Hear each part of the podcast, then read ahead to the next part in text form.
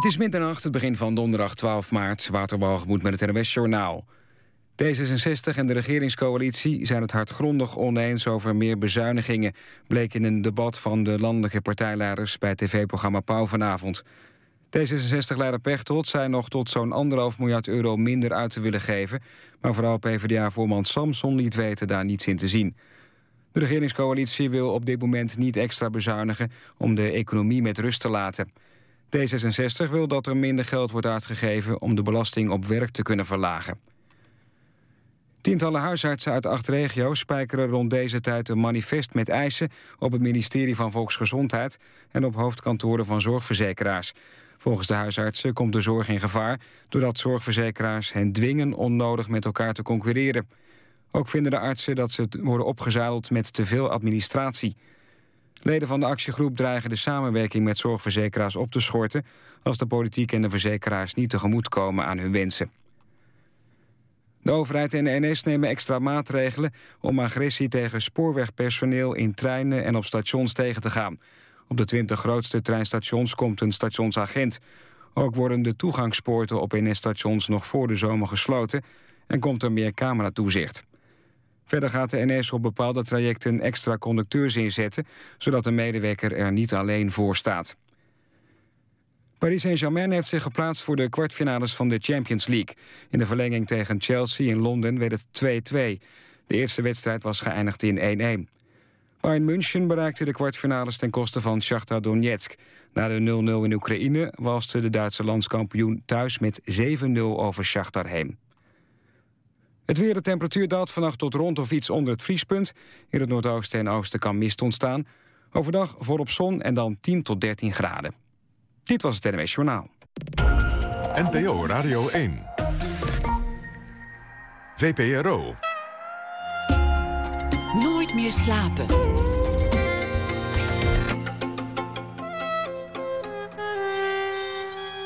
Met Pieter van der Wielen. Goedenacht en welkom bij Nooit meer slapen. Straks na één uur gaan we praten over de foto's van Cor Jaring. De fotograaf die als geen ander de jaren 60 in het roerige Amsterdam wist vast te leggen. En we gaan het ook hebben over eh, de scherpe vraag. Want hoe ver mag je eigenlijk gaan? Kan je aan een bedreigde cartoonist vragen of hij zelf niet net zo erg is als IS? Die vraag, daar gaat het ook over na één uur. Maar we beginnen met Joris Luijendijk. Dit kan niet waar zijn, is de titel van zijn boek. Onder bankiers. Het is eh, de weerslag van een project. Twee jaar lang heeft hij in de Londense City uh, iedereen ondervraagd die ondervraagd wilde worden over uh, de oorzaken van de kredietcrisis. En wat is er nou eigenlijk mis in de financiële sector? Zijn vergelijking een vliegtuig waarin iedereen probeert de rust te bewaren. Maar het is toch duidelijk dat beide motoren in brand staan. En als je dan naar voren loopt, merk je dat er niemand in de cockpit zit. Joris Luijendijk werd geboren in 1971, groeide op in Hilversum. Werd uh, na zijn antropologiestudie uh, journalist. Werkte onder andere in het Midden-Oosten. Heeft uh, een, een, boek geschreven dat een enorm succes werd. Het zijn net mensen over de journalistiek in die regio. En daarna heeft hij zich ook nog bezig gehouden met de journalistiek in de Tweede Kamer. En nu dit project. Joris Luijendijk, hartelijk welkom. Goedenavond. Een somber beeld dat je, dat je schetst al met al. Ja, ja, ook veel somberder dan, ik, uh, dan ik, waarop ik me had ingesteld. Dus ik, dacht wel van, nou, het zal wel, het zal wel mis zijn... maar ik had niet beseft dat het zo mis is. En zo structureel mis. Ik dacht, het zijn monsters. En ik ontdek de, dat de banken zelf monsterlijk zijn... en de mensen zelf eigenlijk nog wel meevallen. En, uh, maar dat die, ja, die, die monsterlijke structuren van die banken... Die, die pak je natuurlijk niet zo makkelijk aan. Dan heb je nieuwe wetten voor nodig. Dus ja, ik ben echt wel geschrokken. Als journalist volgens mij hoop je altijd dat je onderwerp uh, relevant blijft. Maar dit is een beetje te veel van het goede. En waarom, waarom is onwetendheid het beste vertrekpunt om, om erachter te komen? Want je hebt natuurlijk uh, financieel economen... je hebt natuurlijk oud-topmensen... je hebt met zoveel mensen met zoveel meer recht van spreken... En, en jij bent echt als, als een kuifje in onwetendheid erin gedoken. Ja. Waarom is dat een goed vertrekpunt? Omdat mijn lezers daar ook zijn. Onwetend? Ja, mijn lezers weten helemaal niks. Die weten namelijk hetzelfde als ik in het begin. Helemaal niks. En dat had ik al in het Midden-Oosten gemerkt toen ik daar werkte. En dan volgden mijn vrienden, familie, volgde keurig al mijn werk. En dan na vijf jaar vroeg ik eens aan ze van... wat weet je eigenlijk wat een uh, Israëlische Arabier is? Ze geen idee. Weet je wat de groene lijn is? Uh, nee. Ze hadden echt zelfs de meest basale concepten hadden ze gewoon niet te pakken. Terwijl ze vijf jaar lang het nieuws over die regio hadden gevolgd. Maar dat ging altijd weer over een een of andere nieuwe kans op vrede in het Midden-Oosten of zo. En ik, dus ik had daar al wel ontdekt dat, dat nieuws geeft je eigenlijk steeds de uitzondering op de regel. Maar als je niet weet wat de regel is, dan ga je al die uitzonderingen samen aanzien voor de regels. Als je ook eh, over de, kijk over de banken ook een, kijk je naar de Wolf Wall Street en naar zo'n film The Wall Street en je ziet die rare beelden op het journaal van soort kinderlijke mannen van 25 die juichen als de beurzen alle records breken en helemaal verdrietig zijn als de beurzen instorten. En dat gaat een beetje samen en dat wordt een soort compo composiet, de bankier. En uh, mensen weten echt niks. Ik merk het ook in, uh, in de, bij mijn lezingen. Ik geef nu allemaal lezingen in het land. Uh, mensen zeggen van ja, we begrepen er geen bal van. Wat fijn dat iemand een keer uitlegt dat we het wel snappen. De methode Luijendijk, hoe luidt die? Nou, volgens mij inderdaad begin op nul. Dus beginnen waar je lezers zijn. En ook hou vast waar je ooit was. Dus, dus ik heb echt... Word, heel... geen, word geen specialist, ga geen vaktermen gebruiken. Denk niet, nou ja, ik weet er nu zoveel van. Uh, ik ben er eigenlijk wel gerust op. Of ik ben, ik ben niet meer die buitenstaander die ik was. Ja, dat is. Ik, volgens mij de verleiding is al heel gauw in de journalistiek... om je te gaan identificeren met je bronnen. En dus niet zozeer te gaan schrijven voor je publiek, maar voor je, voor je bronnen. En dat merk ik ook, dat sommige journalisten zeggen over mijn boek... ja, is niks nieuws. En dat klopt. Voor insiders is het niet nieuw dat de financiële sector door en door verkeerd in elkaar zit. Punt is, ik werk niet voor insiders. Ik Sterker nog, sommige financieel journalisten waren, uh, daar kunnen we het straks over hebben, pissig. Die waren ronduit boos. Die voelden zichzelf aangevallen. Want het is toch onze sector die wij altijd beschrijven. En daar schrijft hij zulke lelijke dingen over. Die vereenzelviging was daar. Die heb je reden van. Ja, die heb je. volgens mij zijn de, tenminste de, meeste reacties die mij bereikten waren van financiële journalisten van hey, je, je vergroot onze markt, dankjewel. Want als mensen jouw boek hebben gelezen, dan willen ze opeens onze pagina's ook lezen. Dus uh, die waren dankbaar. Maar inderdaad, er is ook zo'n soort gevoel van... hé, hey, uh, we, hebben het, we hebben het gewoon op orde met elkaar. En dan komt er zo'n zo'n jongen en die, die, die komt de kamer binnen... en zet de tv op een ander kanaal. Van, hou eens op. Uh, en ook omdat weet je, het boek verkoopt zo onvoorstelbaar goed... dat die financieel journalisten nu dus ook op feestjes komen. En daar zeggen andere mensen tegen me van... ja, jij bent financieel journalist. Heb je dat boek van Joris Luijendijk gelezen? Dat is zo ontzettend irritant. Toen ik Midden-Oosten correspondent was... en mensen hadden dan een van de boek gelezen... en ze komen naar je, op je af, dat vind je zo irritant. Daar kan ik me ook alles uh, bij voorstellen. Maar goed, het begin van de methode Luijendijk is wordt geen deel van je onderwerp. Ja. Met andere woorden, uh, dat heet in de antropologie going native. Ja. Dat moet je niet doen. Ja wees onwetend. Blijf op het kennisniveau van je, van je publiek. En dan is er steeds eigenlijk dezelfde vraag die je aan iedereen stelt. Bij wijze van spreken tot aan de toiletjuffrouw aan toe. De portier. Maar ook de topman als die wil praten. Wie maar wil praten, kreeg dezelfde vraag. Wat was die vraag? Um, ja, het, was, ik dacht dat ik maakte altijd maar van uh, hoe kun je met jezelf leven? Uh, en wat doe je eigenlijk de hele dag? Dat kun je aan iedereen stellen, ook buiten de financiële sector. Hoe kun je met jezelf leven? Wat doe je de hele dag? Ja. Moeilijke vraag. Ja, nee, het is. En maar de, het, kijk, wat je wil, is je wil mensen gewoon op hun gemak stellen zodat ze eerst aan je kunnen wennen. Want in een gesprek moeten ze eerst een beetje aan je wennen. Dus je stelt ze vooral vragen waar ze het antwoord al op weten. Je hoeft het, het is namelijk geen tv waar het meteen spannend moet zijn. Um, en daarna kan je wel zo langzaam gaan van oké, okay, uh, dus wat is nou het moeilijkste om uit te leggen over jouw werk aan anderen? En stel je voor dat ik jouw werk kreeg, um, waar zou ik dan aan moeten wennen? Wat is nou een typische beginnersfout? Herinner je nog het eerste moment dat je dacht... wow, um, nu moet ik even echt uh, bij, bijzetten. Zo van, ik snap er even geen bal van. Uh, die kleren die je aan hebt, hè, van, van, wist je nou van het begin dat je die kleren aan moest doen? Of heeft iemand je dat verteld? En als ik in deze kleren naar jouw werk ging, wat zouden de reacties dan zijn? En langzaam ontstaat er dan een soort veld. En eigenlijk is de onderliggende vraag... is eigenlijk, hoe is het om jou te zijn?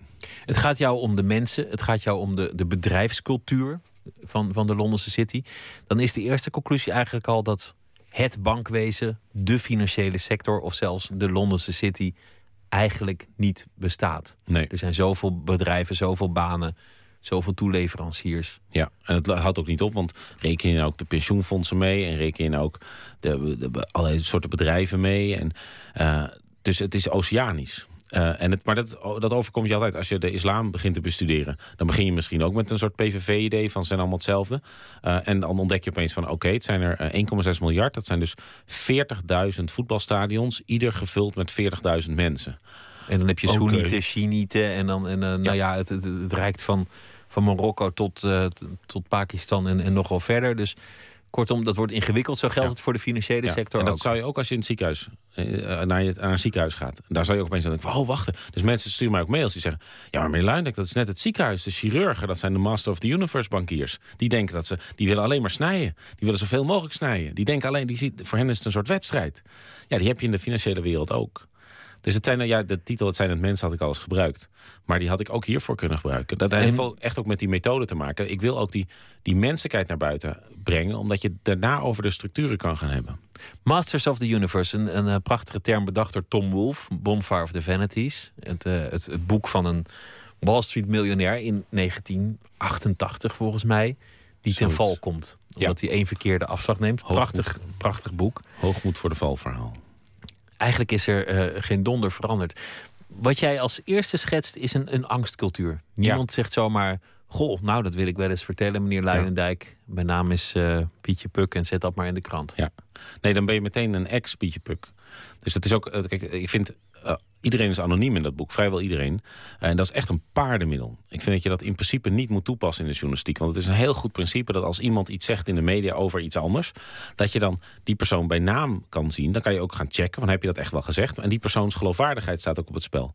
Dus echt ehm, niet zomaar anonieme bronnen gebruiken. Ik ben daar echt heel erg tegen. Maar goed, het is ook wel logisch, want het gaat over een bedrijf. Als ik over de, over de VPRO eh, iets zou zeggen, dan, dan, dan, wordt dat Ja. ook, dan zouden ze ook heel pissig worden daar. Ja. Niet dat Ja. daar enorme misstanden zijn hoor. Of ja, vast wel, maar dat zullen ze mij niet vertellen. Maar dan ieder bedrijf, ook in de journalistiek, dat weet jij ook, vindt het niet leuk als medewerkers naar buiten komen. Nee, dat is, eh, eh, eh, bij de ambtenarij. Het is inmiddels overal. Het is om iedere organisatie.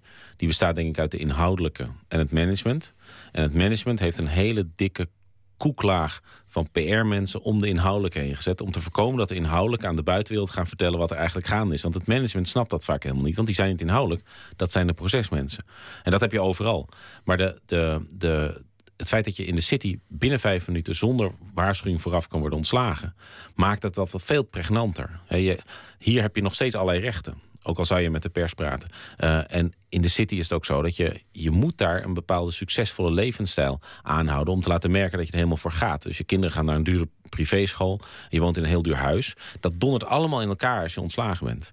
Eh, dus daar, daardoor zit die, is die angst, denk ik, van een andere orde. En permanent, want er zijn, er zijn bedrijven, die anekdotes die, die, die waren al bekend, die ieder jaar gewoon, zelfs als het goed gaat, zelfs als het fantastisch gaat, zelfs als het meer dan fantastisch gaat, de slechts presterende Ja, 5% eruit Ja, of twee of drie. Ja, de kal.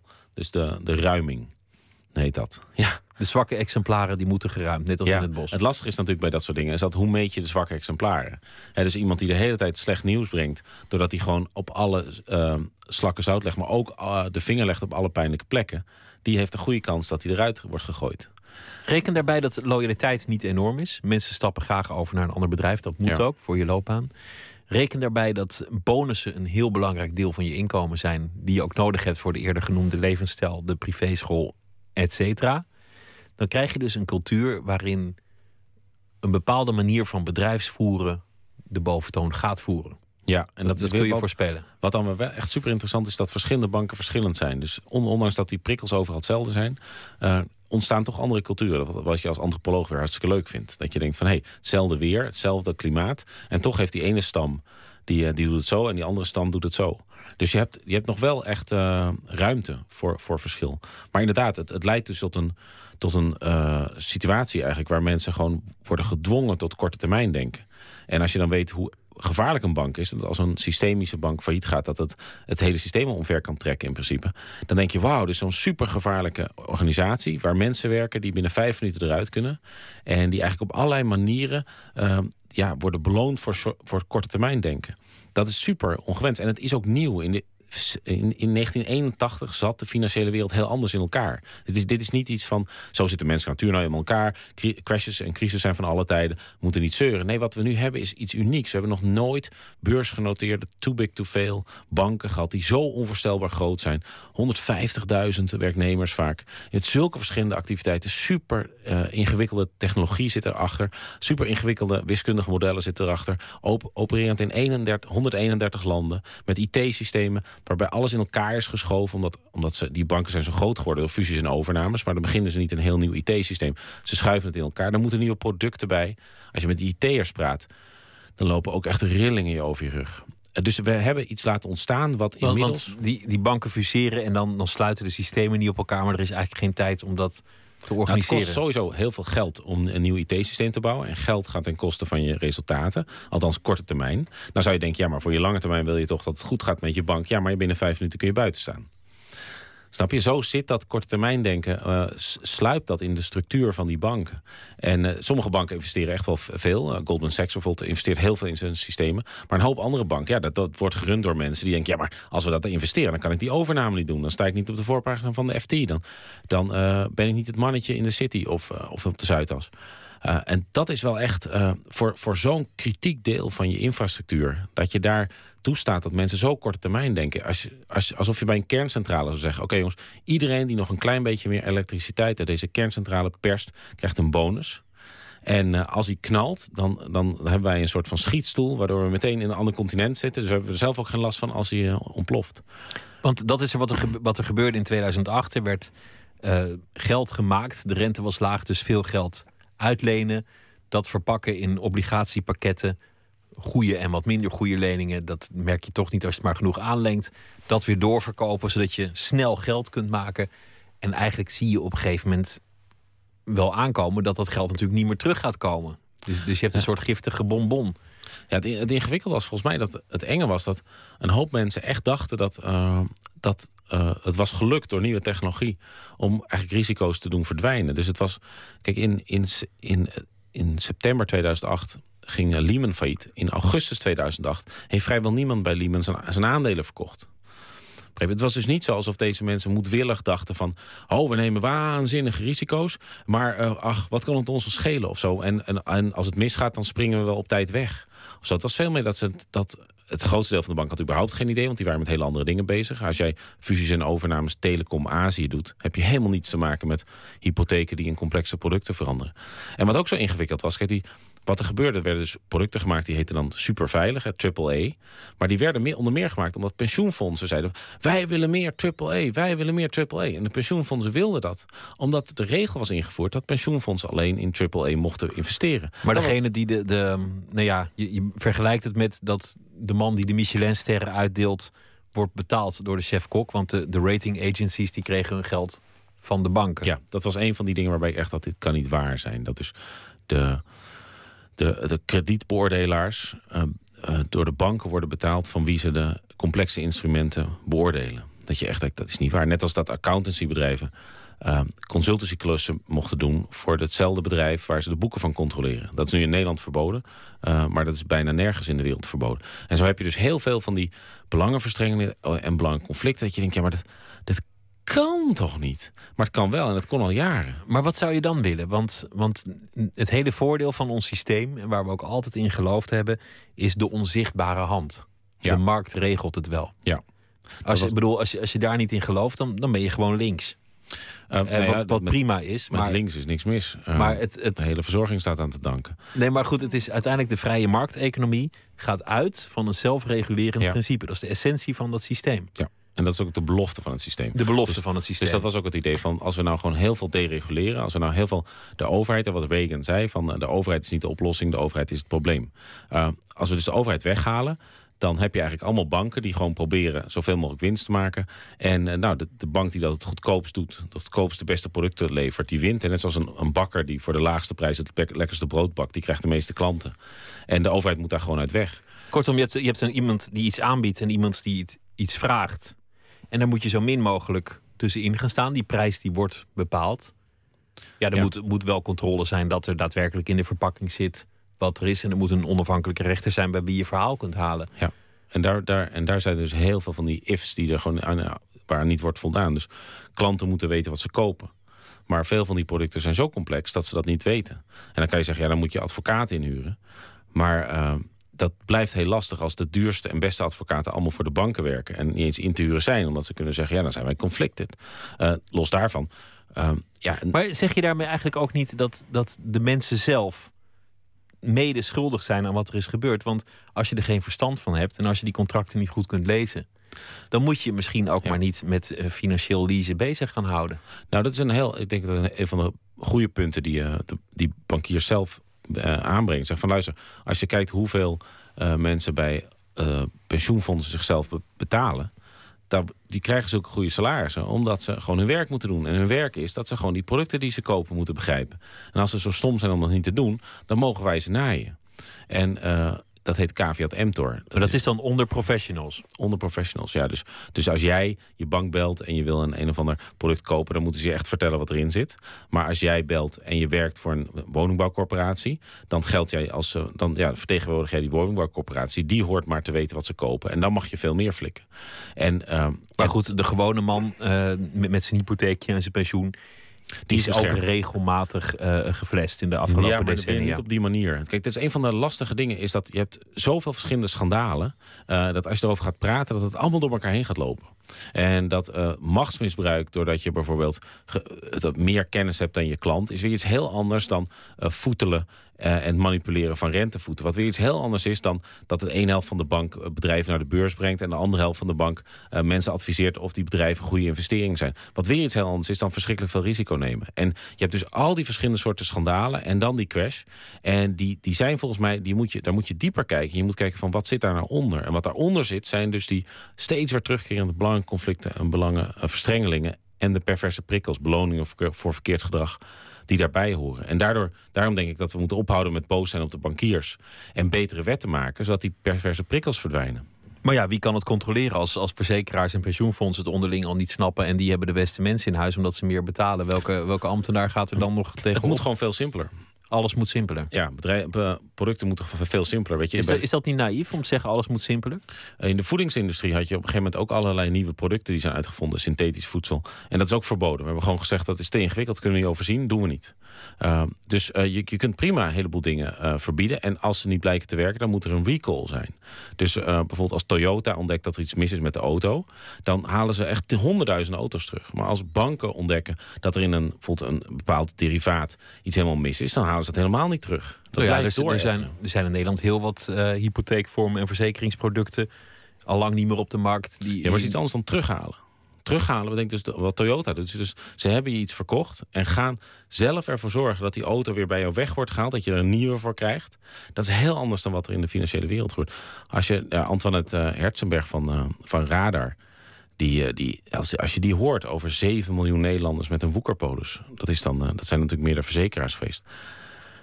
Dat, daar denk je wel 7 miljoen. Maar goed, dit is, dit is het probleem. Is dus dat je, um, om eigenlijk zinvol te kunnen praten over de financiële wereld zou het publiek meer moeten weten. Stel je voor dat wij over de politiek... Want, precies, ik, ik begrijp je punt. Stel dat we over de politiek zo weinig zouden weten... dan zou de democratie in gevaar zijn dit is minstens zo belangrijk. Nee, wat ik eigenlijk wil zeggen, stel je voor dat, je, dat wij er niet vanuit kunnen gaan dat onze luisteraars weten wat het verschil is tussen een oppositie en een regering. Niet het verschil tussen een premier en een minister, niet het verschil tussen de Eerste en de Tweede Kamer, niet weten wat een verkiezing is en niet weten wat een veto is. Stel je voor dat wij dan moeten gaan hebben over de politiek. Dan kunnen we eigenlijk alleen maar zeggen, wauw, politiek, wauw, politiek slecht. Dat is het niveau waarop we over de banken moeten praten. En dat is dus enorm frustrerend. Uh, wanneer ik wil eigenlijk zo graag recht doen aan de enorme nuances. En ook dat die, die morele keuzes zijn echt niet simpel in zo'n bank. Alleen, um, ik, ik merk dus ook dat het zo moeilijk is om daar recht aan te doen... en tegelijkertijd nog toegankelijk te zijn voor een publiek. Dat inderdaad ja, denkt over de banken zoals iemand denkt over democratie die niet weet wat het verschil is tussen een, een premier en een nou ja, minister. En daarbij komt dat veel mensen denken, nou ja, het is goed gegaan. Hè? Die Balkenende, die was er toch maar mooi. Die, die, die Wouter Bos hebben een nacht op dat bankje geslapen. Ze hebben de bank overgenomen mensen realiseren zich niet hoe groot de risico's zijn. Als, als het echt helemaal mis zou gaan. Er valt een enorme bank om en niemand is nog zeker van, uh, van het geld in de financiële sector. De boel stort in. De pinautomaat doet het niet meer, ik noem maar wat. Of uh, in, in Amerika zijn buurten geweest waar mensen uit huis moesten, maar nog wel moesten blijven betalen. De grote kladderadarts, die hebben we niet gezien, maar die hadden we kunnen zien. Die is verdomde lelijk. Nee, dat was zo opvallend. Dat dus mensen zeiden van luister, uh, die mensen die ik interviewde, die zeiden ja, uh, wel, ik had er niks mee te maken. 99% van de hele sector had niks met die crash te maken. Maar toen het eenmaal gebeurde, wisten we wel wat er dreigde. Namelijk dat als, uh, als er een paar banken gaan omvallen, failliet gaan, dan kan het hele financiële systeem ja, tot stilstand komen en eigenlijk imploderen. En ja, dan kan je dus inderdaad niet meer bij je geld. in ieder geval tijdelijk. Maar ze zeggen ook, ja, het, het ingewikkeld is, het gek is ook, als je dan bijvoorbeeld Iedereen zegt van dat is verschrikkelijk. Het is verschrikkelijk als het financiële systeem. Oh, dat is afschuwelijk. Maar Armageddon, hè, einde der tijden, of uh, nuclear meltdown, hè, een soort um, uh, alsof het een kerncentrale is. Maar als je dan dus in die boeken gaat zoeken van, ja, maar wat is dan precies waar je zo bang voor bent? Wat, wat dreigt er dan? Dan iedereen blijft abstract. En ik heb dus echt heel lang moeten zoeken naar een boek waarin iemand zou zeggen van, ja, wat, waar we dan vooral bang voor zijn, is dus dat de handelsfinanciering opdrukt, waardoor de bevoorrading stopt. En zelfs als dat tijdelijk is in een grote stad, dan kan het heel erg lelijk worden. Want dan krijg je plundering. Bij plundering krijg je ook meteen weer tweede graads en derde graads geweld van allerlei mensen die denken, oh, dan kan ik nu wel eventjes iemand gaan overvallen. Want die kan toch niet de politie bellen. Hij kan wel de politie bellen, maar politie is ergens anders mee bezig. Um, of dat echt zo zou zijn gegaan in 2008, toen die bankiers echt doodsbang waren. Sommigen kochten wapens, zoegen goud in, brachten de kinderen in de gereedheid voor de evacuatie. Ook niet iedereen, maar ik weet ook in Nederland, weet ik ook van mensen in de financiële wereld die aan het hamsteren waren. Um, waar was het terecht? Ja, het punt is, dat kun je dus niet weten. Je kunt niet dit op zijn beloop laten en dan zien van... oh ja, inderdaad, inderdaad, de tering is uitgebroken. Of nee, het viel eigenlijk wel mee. En dus ik denk wel dat het, een, dat het noodzakelijk was wat uh, onze leiders hebben gedaan. Namelijk niet de paniek opstoken door echt te benoemen waar men zo bang voor was. En tegelijkertijd in ieder geval de, de brand direct blussen. En dus eigenlijk de schulden overnemen van die banken. Juist, en, en nou ja, dat heeft ons allemaal flink wat geld gekost. Achteraf kun je nog wel discussiëren of er niet te veel betaald is voor die banken. Maar dat, is misschien wat gedetailleerd op dit moment. Het was ook het jaar van Occupy, dat kwam daarna. En bij Occupy hoorde ook meteen uh, muziek. Want veel mensen die hoopten op een soort uh, idealisme. Is allemaal niet enorm veel van terechtgekomen. Maar we gaan uh, muziek draaien die hoorde bij de Occupy-beweging. Van Lloyd Cole, The Young Idealists.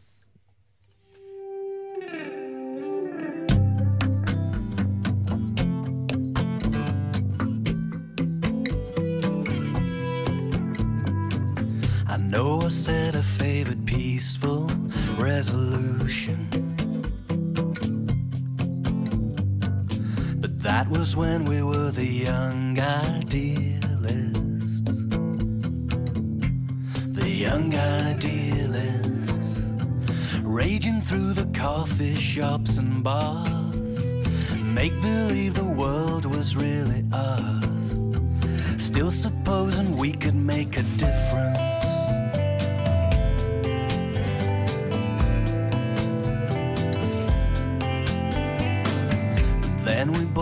to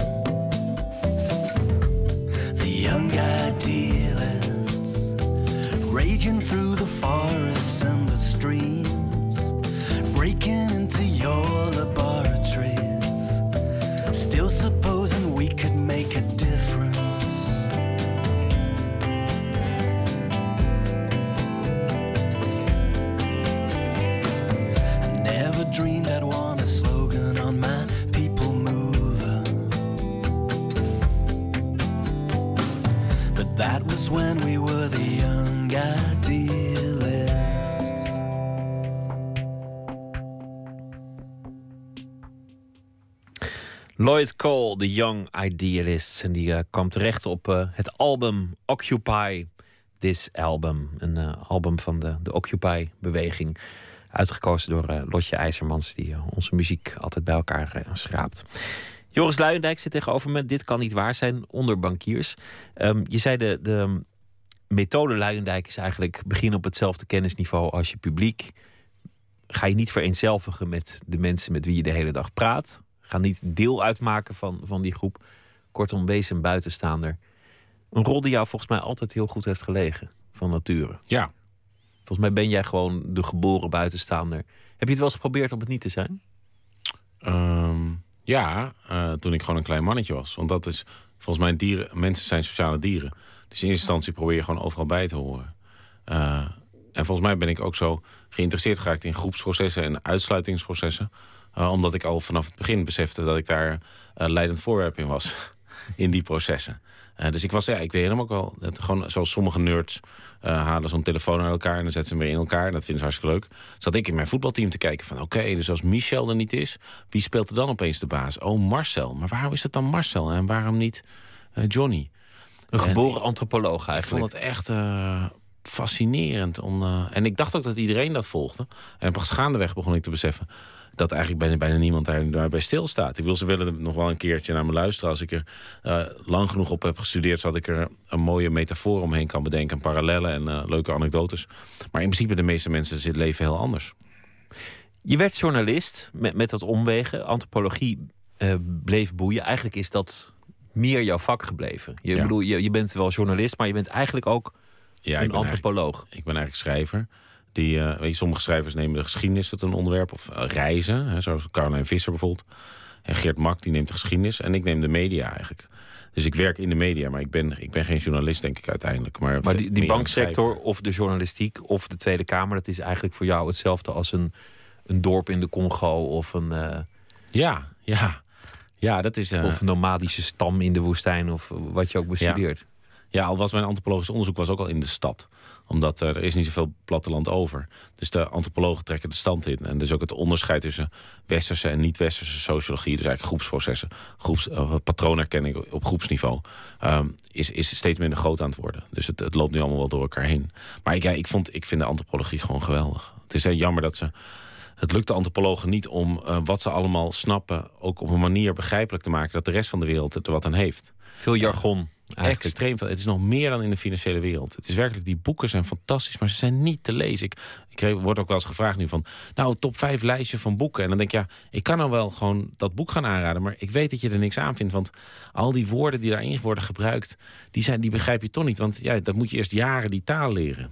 Heel grappig. Ik heb, ik heb jaren een wetenschapsprogramma gestudeerd en er kwamen sterrenkundigen over, over zwarte gaten. En die, die konden dat uitleggen dat je nog dacht dat je het begreep. Of, of over kwantummechanica of, of hele moeilijke onderwerpen. En antropologen kwamen dan over iets redelijk basaals.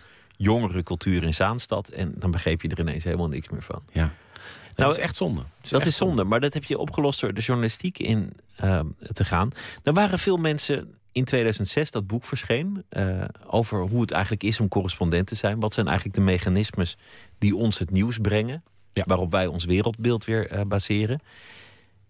Ik las het in de tijd en dacht, ja, zo gaat het ongeveer wel.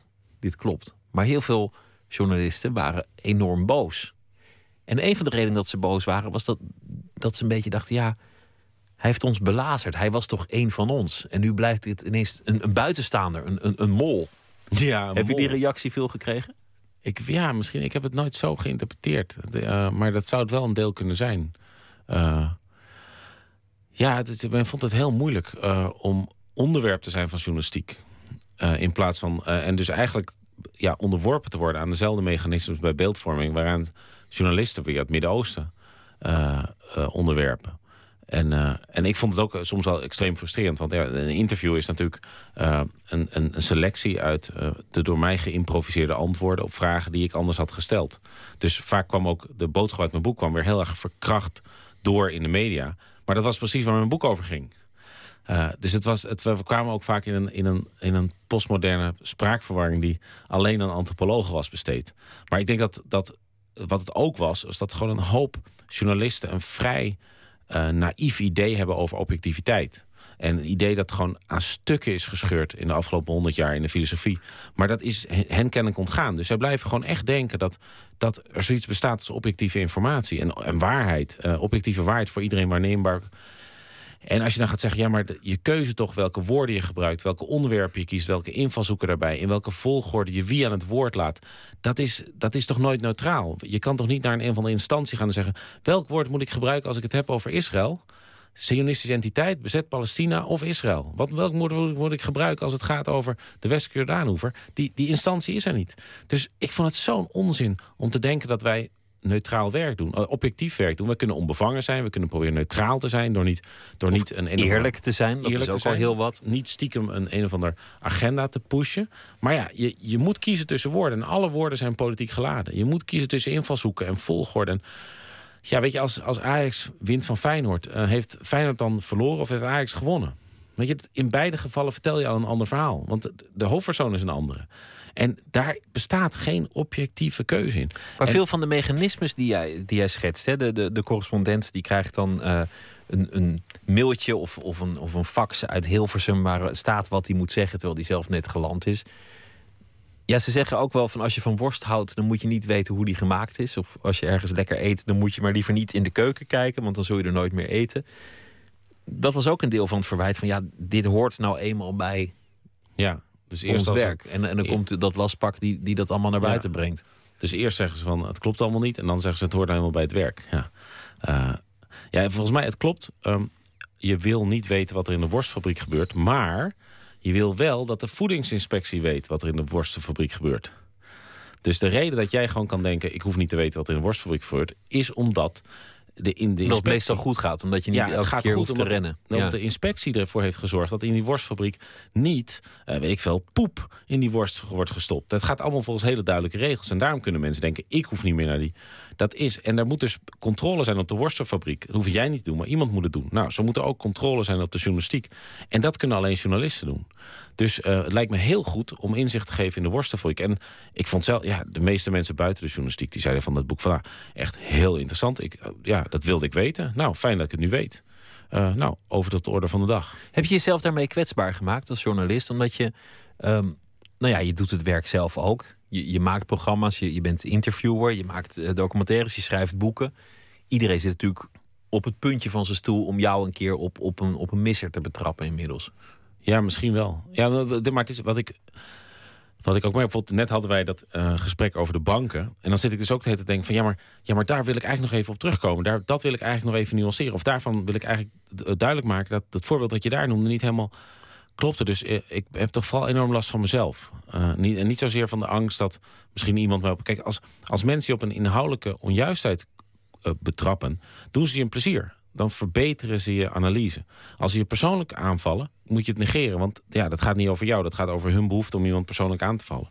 Dus ja, ik, beschouw inhoudelijke kritiek altijd gewoon als een gratis, als een cadeautje. Want je bent heel perfectionistisch. Dat, dat is iets wat, wat ook je uitgever heeft verteld. Van, nou ja, als je dan zegt van... eh, Joris, dit boek is hartstikke goed, een dikke acht. Dan, dan zegt Joris, verdorie, ik moet nog even door... want het is kennelijk nog geen tien. Ik, ik bel je over een half jaar terug. Ja, ja, waren in september, had ik het dus al een paar keer uitgesteld. Hadden we geloof ik de zesde versie. Zei ze, ja, volgens mij ben je er wel. Het is wel gewoon, eh, ja, we hebben het nu gevolgd. Eh, nog een paar dingen veranderen. En toen zei ik, ja, maar ik had het er ook wel weer over een paar dingen gehad met ze. Ik dacht, ja, ik begin toch nog een keer opnieuw. en toen zag ik echt dat gezicht vallen. Want dat betekent dat we het niet voor, de, voor Sinterklaas af zouden hebben. Eh, ja, en zo heb ik altijd gewerkt. Daarom nou, had ik ook eh, eigenlijk geen voorschot aangenomen. Omdat ik dacht van ja, als ik een voorschot aanneem, dan moet ik het leveren. Maar ik wil ook gewoon nog kunnen zeggen van het is niet goed genoeg. Ik ga het gewoon niet publiceren. Uh, dus uh, nee, dat is zeker perfectionistisch. Ik vind het ook wel wat, als je gewoon een twee avonden in het hoofd van iemand gaat zitten... doordat je een boek hebt geschreven en ze gaan dat lezen... dan zit ik gewoon eigenlijk toch uh, gewoon urenlang tegen die mensen te hoeren dan dat vind ik zo'n uh, verantwoordelijkheid. Ik, ik, als ik een boek lees, word ik ook zo boos. Als ik het idee heb dat het niet klopt... of dat iemand zich er met een Jantje van Leiden vanaf maakt... dan gooi ik zo'n boek echt door de kamer. En zeker over de kredietcrisis zijn natuurlijk in der tijd... heel veel makkelijke boekjes, snelle boekjes uh, geschreven. Mensen die erop insprongen. Ja, dat zou goed kunnen, ja. ja ik, ik word dan weer bij de, bij de boeken die ik heb gelezen... meer boos over dat ik denk van... als je nou gewoon nog één versie had geschreven... had hij het net toegankelijker kunnen maken. Dan had ik, had ik het bijvoorbeeld sneller gesnapt... waardoor ik ook weer bepaalde nuances oppikte of zo. Het is ook echt uh, super interessant hoor... om gewoon een onderwerp te nemen en denken van... Kun, kan ik dit begrijpelijk maken? Je project in de Tweede Kamer was uh, desalniettemin... zoals je het zelf omschreef, een, een vluggertje. Ja, Eh, een maand. Een maand. Dat had je afgeschermd om- omdat dat iets is waar je anders in zou verliezen. Want daar zitten zoveel journalisten die dat politieke bedrijf elke dag zo van alle kanten beschrijven. Dat als je dat wil doorgronden, dan was dat Nou. je loopbaan. Nou, als ik, van te- als ik van tevoren had geweten wat ik daar allemaal al in een maand naar boven kon halen, dan was ik het, was ik het, was ik het een jaar gaan doen. Nee, wat het Waarom was, lukte jou dat dan wel en, en al die andere journalisten niet? Wat was het verschil? Ik weet, ja, ik weet, dat vraag ik me dus altijd af. Maar dat is dus, eh, ik ben gewoon eh, heel raar. Dus, dus kennelijk, dat ik gewoon, ik denk van oké, dat is dus de politiek. En eh, nou, die, die, daar, daar is de macht, daarom volgen we dat. Eh, nou, je hebt hier mensen die worden beïnvloed, die worden betaald om de macht te beïnvloeden. Die heten lobbyisten. Dus laat ik eens naar lobbyisten gaan en vragen: waar breng jij je dag door? Waar ga je naartoe? En dan, en dan ging ik dat doen. En dan zeiden ze: Nou, ik ga dus naar Den Haag en naar de EU. Want daar zit de macht. Dus toen zei ik: eh, pot voor drie dubbeltjes. Ik volg al 25 jaar het nieuws over het Binnenhof.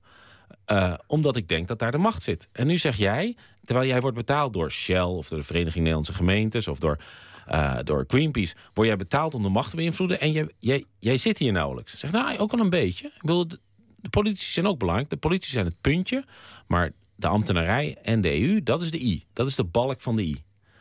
En denk, ja, hoe is het mogelijk dat ik al 25 jaar het nieuws volg en niemand mij dit ooit heeft verteld? Dat de mensen die worden betaald om de macht te beïnvloeden, niet bij de politici rondlopen. Of niet heel veel. Maar elke Haagse journalist zei ja, ja nou ja, dat weten, we, eigenlijk wel. Ja, niks nieuws voor insiders. Maar er nooit over geschreven. Ik werk niet Ja. voor insiders.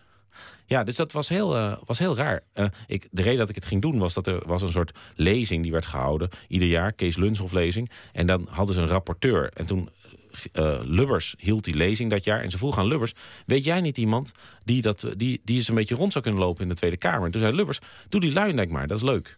En nou ja, toen konden ze ook niet meer terug. En toen moest, kon ik dus ook overal rondlopen. Want ja, ik was nu de rapporteur.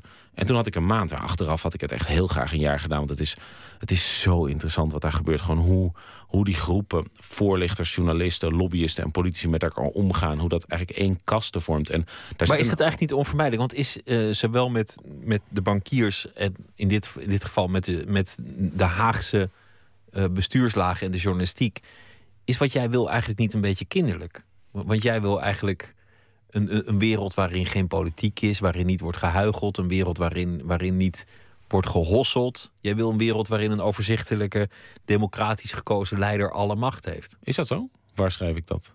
Nou ja, je zegt de cockpit is leeg, bijvoorbeeld in, in dit boek. Je zegt er moet controle komen op, op de journalistiek. Ja, wie zou dat dan weer doen? Nou, je wil, je wil een wereld waar de ambtenaren en, en de lobbyisten niet alle, alle macht hebben. Nou, de, de- ik denk dat de, wens dat er een piloot in de cockpit zit, vind ik niet kinderlijk hoor. Dat, ik denk dat die wens ook wel vrij algemeen gedeeld wordt door passagiers. Ehm, nee, en ik denk ook, kijk, wat ik in beeld, wat ik, ik wil graag snappen hoe het werkt. En ik denk wel dat eh, bepaalde vormen van machtenscheiding heel erg belangrijk zijn. Dat als je journalist bent, dan moet je niet ook lobbyist zijn bijvoorbeeld. Of als jij politici interviewt, moet je niet ook mediatraining geven aan politici. Dus ik geloof echt in, in de, machtenscheiding die hoort bij democratie. Ehm, maar of, ja, of eh, wat je, de voorbeelden die je voor, voor de rest noemde, daar herken ik me eigenlijk totaal niet in. Nee, maar, maar leg eens uit, want, want bij politiek hoort natuurlijk dat de informatie komt ergens vandaan. Lobbyisten, die, dat is ook een democratisch recht zou je kunnen betogen. Die, die praten met mensen die weer de informatie aan politici geven. Dus dat zijn ook weer ambtenaren. Het, het, het lijkt me zo moeilijk tegen te gaan. En het lijkt me eigenlijk ook gewoon logischerwijs deel uitmaken van een systeem. Maar, eh, maar daarom eh, ehm, zijn die boeken ook niet eh, moraliserend van aard. Ze, ze zeggen van nou, hoe werkt het hier? Eh, en dus, nou, je hebt, je hebt daar dus vier groepen en die gaan als, als volgt met elkaar om. En mijn, mijn, mijn verontwaardiging komt eigenlijk waarbij ik denk van... waarom wist ik dit niet eerder? Maar- je wilt gewoon weten, je wilt gewoon blootleggen, transparant maken. Zo werkt het echt. Maar ik denk tegelijkertijd dat dat. eh, en da- daar, daar sta ik echt voor, want ik ben een democraat. Ik denk dat gewoon bepaald dat bijvoorbeeld een, een, een rechter moet onafhankelijk zijn. En dat is niet kinderlijk. Een, een advocaat die heeft een bepaalde rol. Die heeft bijvoorbeeld eh, recht om, zonder afgeluisterd te worden met zijn cliënt te kunnen praten. Zo heb je allerlei rollen in een democratie. En die zijn heel goed omschreven. En die moet, daar moet iedereen zich aan houden. Anders, anders dreigt rechtszekerheid weg te vallen. Eh, En, eh, en voor goed bestuur is het volgens mij heel goed als je bijvoorbeeld een minister niet met allerlei dingen kan doen voor KLM en daarna de baas kan worden bij KLM. Weet je, dat lobbyisten moeten, moeten duidelijk maken waar het geld vandaan komt. Als er geld wordt gegeven aan politieke partijen, moeten wij weten welke partijen dat zijn. Eh, welke bedrijven dat geld hebben gegeven. Dat soort vormen van transparantie vind ik niet kinderlijk. Dat vind ik echt bazaal democratisch uh, besef. als je het zo zegt, klinkt het ook niet heel exotisch wat, je, wat je betoogt.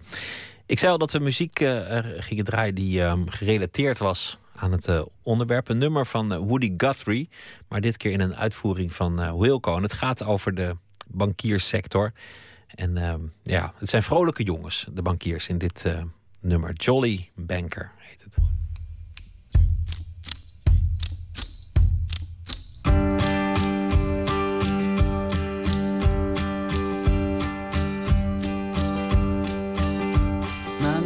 Is Tom Cranker, and I'm a jolly banker. I'm a jolly banker, jolly banker am I. I safeguard the farmers and widows and orphans, singing I'm a jolly banker, jolly banker am I. When dust storms are sailing and crops they are failing, I'm a jolly banker, jolly banker am I check up your shortage and bring down your mortgage. Singing, I'm a jolly banker, jolly banker, am I?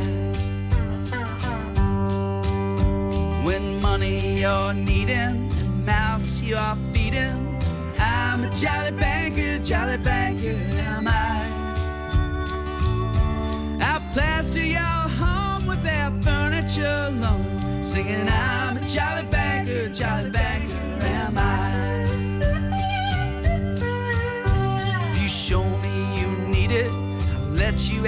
credit. I'm a jolly banker, jolly banker, am I? Just bring me back two for the one I lent you. Singing, I'm a jolly banker, jolly banker, am I? In your car, you're losing, sadly, you're cruising.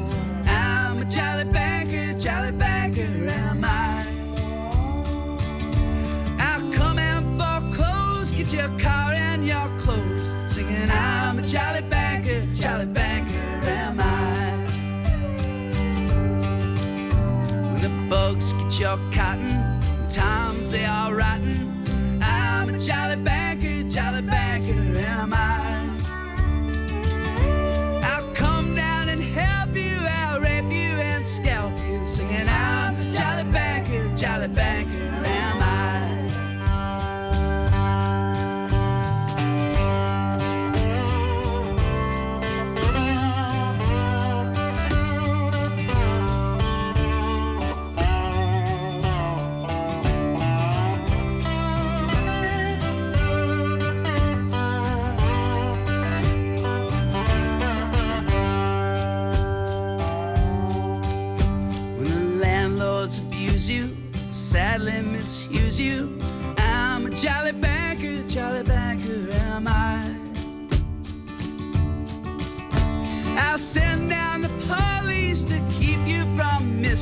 singing, I'm a jolly banker, jolly banker, am I?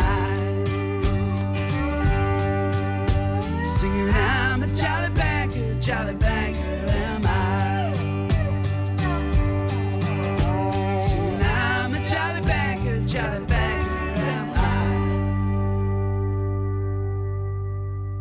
Wilco met een uh, uitvoering van een nummer van Woody Guthrie, Jolly Banker uit 1964. Joris Luijendijk in uh, het programma Nooit meer slapen. Over het boek Dit kan niet waar zijn onder bankiers. Ja, we, we hadden het erover dat je altijd eigenlijk al een buitenstaander was. Dat het een rol die bij je past in het voetbalteam. Dan keek je al en zei we, hey, nu is die de baas, waarom is die niet de baas? Je hebt het uh, je maar eigen gemaakt. De antropologie, dat vond je te ingewikkeld, te veel jargon. Je wilde wel het publiek bereiken, dus het werd de journalistiek. De journalistiek, daar zag je eigenlijk van, ja, er gebeuren hier allemaal dingen waar het publiek geen weet van heeft. En het is heel belangrijk. Waarom schrijf ik dat niet op? Dat bleek voor veel vakgenoten in de journalistiek niet zo heel verrassend, maar voor het publiek bleek, het een enorme eye-opener. We hebben het gehad over de Tweede Kamer, dat je daar in een maand eigenlijk al meer te weten kwam dan je, dan je daarvoor ooit geweten had over de politiek. En we hebben het heel uitgebreid gehad over wat er aan de hand is in de Londense City. Over dat er een angstcultuur heerst. Een cultuur die om allerlei redenen eigenlijk korte termijn denken stimuleert. En dat het heel belangrijk is, de financiële sector. Maar je zei ook, ja, het wordt steeds ingewikkeld. Want heb je het nou over de banken, de verzekeraars, de pensioenfondsen? Uh, heb je het over uh, front office of back office? Heb je het over hoger management? Nou ja, allerlei soorten producten. Het is heel ingewikkeld. En dat maakt de oplossing zo moeilijk. Want, want wat je zei over de Tweede Kamer, dat kun je heel makkelijk oplossen. Je kunt gewoon zeggen, zij die minister zijn geweest, worden de eerstkomende tien jaar niet CEO van een bedrijf of mogen niet lobbyen voor een ander bedrijf. Daar kan je allemaal regels voor bedenken. Ik wil niet zeggen dat het heel makkelijk is, maar het kan nog. Maar als je de financiële sector wil aanpakken, als je dat heel mooi zou willen hervormen, hoe moet je dat dan doen? Ja, dat is echt heel moeilijk. Echt heel moeilijk, want die financiële sector opereert mondiaal en uh, politiek landelijk of regionaal.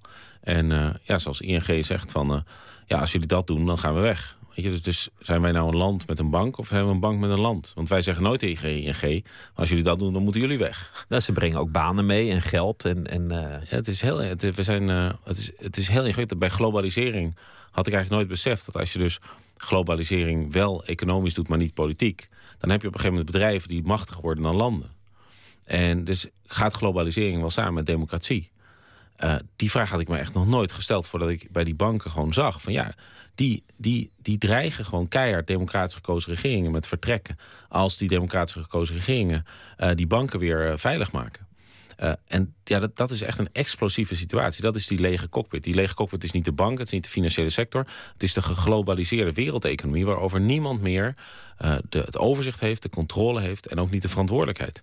en dat is een echt probleem. En is het dan voor jou als, als nou ja, buitenstaander van nature iets waarvan je denkt hier moet ik iets mee, ik wil een beweging beginnen, ik, ik wil, wil daar actie op ondernemen? Of denk je gewoon, nou, ik heb mijn boek beschreven, ik heb, ik heb mensen uitgelegd hoe het volgens mij in elkaar zit en laat een ander dat maar oprapen? Ja, nou kijk, als, als buitenstaander uh, ben ik niet goed in bewegingen. Nee, want dan zou je de ultieme niet buitenstaander meer zijn. Dat is, echt, dat is, dat is, niet, dat is niet waar mijn kracht ligt. Uh, maar er is wel iets echt aan de hand met dit onderwerp. Dat er honderdduizend mensen naar een, naar een uh, toneelstuk gaan over geldcreatie. Uh, de verleiders door de bank genomen. dat Tros Radar twee afleveringen maakt over geldcreatie. Dat er nu een burgerpetitie is waardoor de Tweede Kamer moet gaan discussiëren over geldcreatie. Dat Piketty, die Franse econoom, Paradiso sneller uitverkoopt dan de rockbands die week. Met een super saai 600 bladzijden dik boek over ongelijkheid allerlei mensen die altijd hebben gedacht... oh, die banken die kun je wel uit, overlaten aan de bankiers. Die beginnen allemaal te beseffen... nee, nee, nee, er is iets, iets fundamenteel moet er anders. En we weten nog niet hoe. En mijn favoriete parallel is met het uh, feminisme. Is dat 150 jaar geleden had, had, mensen ook gezegd... ja, maar hoe moet dat dan, vrouwen gelijk aan mannen? Vrouwen kunnen dat wel. Heb je wel eens een vrouwelijke dokter gezien? En hoe moet dat dan? Ze hebben elf kinderen. En als die vrouw ook gaat werken, wie moet er dan voor die kinderen gaan zorgen? En je had alles omver kunnen schieten. Maar die feministen zijn gewoon doorgegaan. En 150 jaar later hebben we een wereld waar zij 150 jaar geleden van zouden hebben gedacht... je bent goed op weg op, dat, op het moment dat je begint, hoef je nog niet alle oplossingen te hebben. Je hoeft ook niet de hele bevolking te overtuigen. Als we met emancipatie hadden gewacht tot 51% had gezegd... ja, nee, man en vrouwen zijn gelijk... vochten we nu nog steeds voor vrouwenkiesrecht. Het, dit duurt gewoon heel lang. En zo hoort het ook in de democratie. Het hoort, ik hoor nu ook van alle kanten aangevallen te worden. En zo gaat het debat verder. Maar ja, de, de, urgentie, die, als het goed gaat, is de urgentie ook vrij snel weg. Dat, dat, dat zou een angst kunnen zijn in die zin. Dat, dat als ja, als mensen bang zijn, dan denken ze, oh, er moet iets veranderen. Maar als het weer rustig is, denken ze, nou ja, ik ben blij dat het weer rustig is. Ik maak me heel erg druk over het uh, vertrek van Fred Teven. Ja, of wel uh, Koningslied. Ja. Uh, ja, zeker. Dus, dus, uh, dat, maar dat is, democratie is niet voor bange mensen. Democratie is niet, ook niet voor luie mensen. Uh, dit is gewoon een hele lange slag. Maar ik denk dat bij de bank zitten heel veel mensen... die veel liever een ander systeem hadden. Die het vreselijk vinden dat ze nu op feestjes proberen... maar een beetje om hun beroep heen te praten. Zijn zoveel mensen heb ik gesproken die gewoon verbergen waar ze werken. En die zijn ooit in die sector gegaan omdat ze dachten van... ik hou, ik hou van hard werken, ik, ik ben gedreven, work hard, play hard. En daar hoort ook wat meer geld bij. Maar ik doe nuttig werk, want in principe is bankieren ongelooflijk bang. Het is het hart van het lichaam, de financiële wereld. En die willen allemaal ook een andere sector. Dus, dus het is ook niet wij tegen zij in de zin van de bankiers tegen ons. Het zijn gewoon iedereen beseft dat het anders moet en de rest. Het boek heet uh, Dit kan niet waar zijn. Joris Luijendijk, onderbankiers. Nu al een enorme bestseller, acht drukken al. En uh, Het, eh, het gaat nog steeds als warme broodjes de winkel uit. Dankjewel, Joris Luijendijk. Graag gedaan. Waanzin in de literatuur is deze week het thema van de Boekenweek. Schrijver en psycholoog Ranne Hoofdjes die heeft een boek geschreven, Vogels van Waanzin. En elke week of elke dag deze week bespreekt zij een waanzinnig romanpersonage. We gaan het hebben over de donkere kamer van Damocles van Willem Frederik Hermans. En het personage is Henry Ossewoud. Ach kom Henry, ik die je moeder zo goed gekend heb. Wij hoeven geen geheimen voor elkaar te hebben. Kijk eens, we maken allemaal fouten. Ik bedoel maar dit. Als je het mij vraagt, je gelooft zelf ook niet in het bestaan van Doorbek. Je hebt er vroeger tijdens geestelijke inzinkingen in geloofd, maar nu geloof je het niet meer. Je blijft alleen maar volhouden omdat je in het nauw zit. De Donkere Kamer van Damocles. Een boek waarin schrijver W.F. Hermans het oordeel aan de lezer overlaat. Is de hoofdpersoon een held, een oorlogsmisdadiger of een gek? De man om wie het gaat is Henry Ozewoud. En of wij moeten denken dat hij een stoornis heeft of niet... is iets wat uh, Hermans bewust in het midden laat. Echt krankzinnig is in ieder geval zijn moeder... Uh, die heeft ooit uh, zijn vader vermoord, ook in een vlaag van waanzin. Aan het, het, is het speelt zich af in de Tweede Wereldoorlog. Wat, wat we zien gebeuren in het verhaal is dat Henry Ozewoud allemaal daden verricht. Die, die ten eerste helemaal niet bij hem passen. En die op twee manieren kunnen worden uitgelegd. de eerste uitleg is dat hij een verzetsheld is geweest. En de andere uitleg is dat hij onder wanen uh, gehandeld heeft. Dat hij opdrachten heeft gekregen van stemmen en of wat ook. En dat hij eigenlijk dus krankzinnig is. Henry Ozewoud, zelf een miserig mannetje met een meisjesgezicht... krijgt deze opdrachten van verzetsheld Dorbek. Dorbek lijkt als twee druppels water op Ozewoud... maar dan in de viriele versie. In diens opdracht vervalst Ozewoud persoonsbewijzen... ontvoert en vermoordt hij mensen. Grote daden die hij uit zichzelf nooit had durven uitvoeren... Ozewoud lijkt een held. Maar dan komt het einde van de oorlog en dan blijken al die daden die hij verricht heeft even gemakkelijk te kunnen worden uitgelegd als een soort oorlogsmisdaden. Tenzij hij kan aantonen. Uh, want hij zegt, ja nee, sorry, maar ik heb in opdracht van Doorbeck gehandeld. En, en dit was allemaal bedoeld om, uh, om Joden te helpen en om, om het verzet te steunen. Noem op. En dan zegt iedereen, nou ja, uh, Doorbeck, waar is die dan? En die Doorbeck blijkt onvindbaar. De discussie barst los. Is Ozewoud een held, een oorlogsmisdadiger of een gek? Zijn psychiater opteert voor dat laatste. Die Doorbeck-geschiedenis, geloof je daar zelf in? Wat bedoelt u? Geloof je werkelijk dat Doorbeck bestaan heeft, dat je hem herhaalde malen ontmoet hebt en dat hij je allerlei opdrachten heeft gegeven? Kijk eens hier, Henry, val mij nog niet in de reden. Ik bedoel niet dat je niet goed bij je hoofd bent, helemaal niet. Maar de oorlog is een tijd geweest van enorme spanningen voor ons allemaal. Het kan zijn dat je toen, op ogenblikken van grote vermoeidheid, gedacht hebt dat Dorbeck bestond. Dat hij je opbelde, dat hij je boodschappen stuurde achter op foto's geschreven, enzovoort. Hermans had een duidelijke reden om niet expliciet te zijn over de mogelijke waanideeën van zijn hoofdpersoon. Wat hij met dit boek wil laten zien, heel nadrukkelijk, is dat je eigenlijk nooit weet wat er in een ander mens omgaat. Dat je de ander nooit kunt kennen en dat dat natuurlijk voor, voor de waanzinnige geest nog eens in het, uh, in het bijzonder geldt. Dat is wel een, een begrijpelijk iets voor schrijvers om mee te spelen. Dus zij gebruiken die waanzin in feite om, om aan te tonen van hoe moeilijk het is om een ander mens te kennen.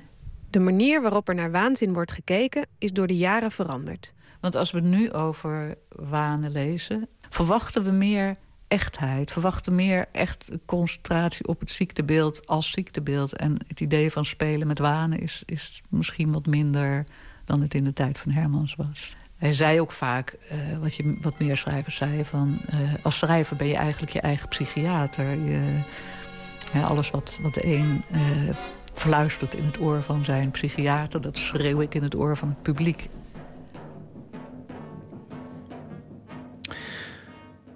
Ranne Hoofdje, schrijver en psycholoog over het uh, waanzinnige personage Henry Ossewoud uit De Donkere Kamer van Damocles van Willem Frederik Hermans. Zometeen krijgt u een verhaal van uh, Katelijn Schilder, die elke dag deze week een verhaal voor ons uh, schrijft over de afgelopen dag. We gaan het ook hebben over de foto's van Cor Jaring. er is een expositie in Amsterdam. Wereldberoemde foto's, bijvoorbeeld de rookbom bij het huwelijk van Beatrix en Klaus of de happenings in het Hilton, de, de bed-in van John Lennon en Yoko Ono. En we gaan het hebben over uh, het interviewen met uh, Frank van der Linden onder andere. Want uh, het gaat over de vraag, wat mag je nou wel vragen en wat niet? Is het een goede vraag of maak je jezelf misschien gewoon een beetje belachelijk bij vragen? Dat allemaal zometeen. Twitter, het VPRO NMS of via de mail nooit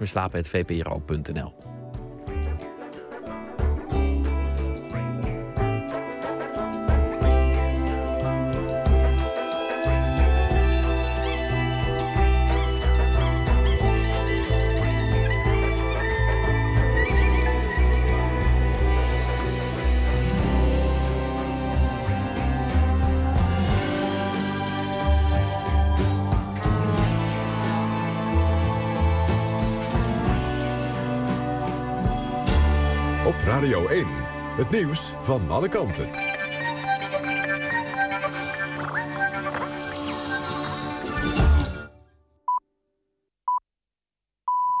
Het is 1 uur, Waterwalgemoed met het NWS Journaal. D66 en de regeringscoalitie zijn het hardgrondig oneens over extra bezuinigingen... bleek in een debat van de landelijke partijleiders bij tv-programma Pauw vanavond.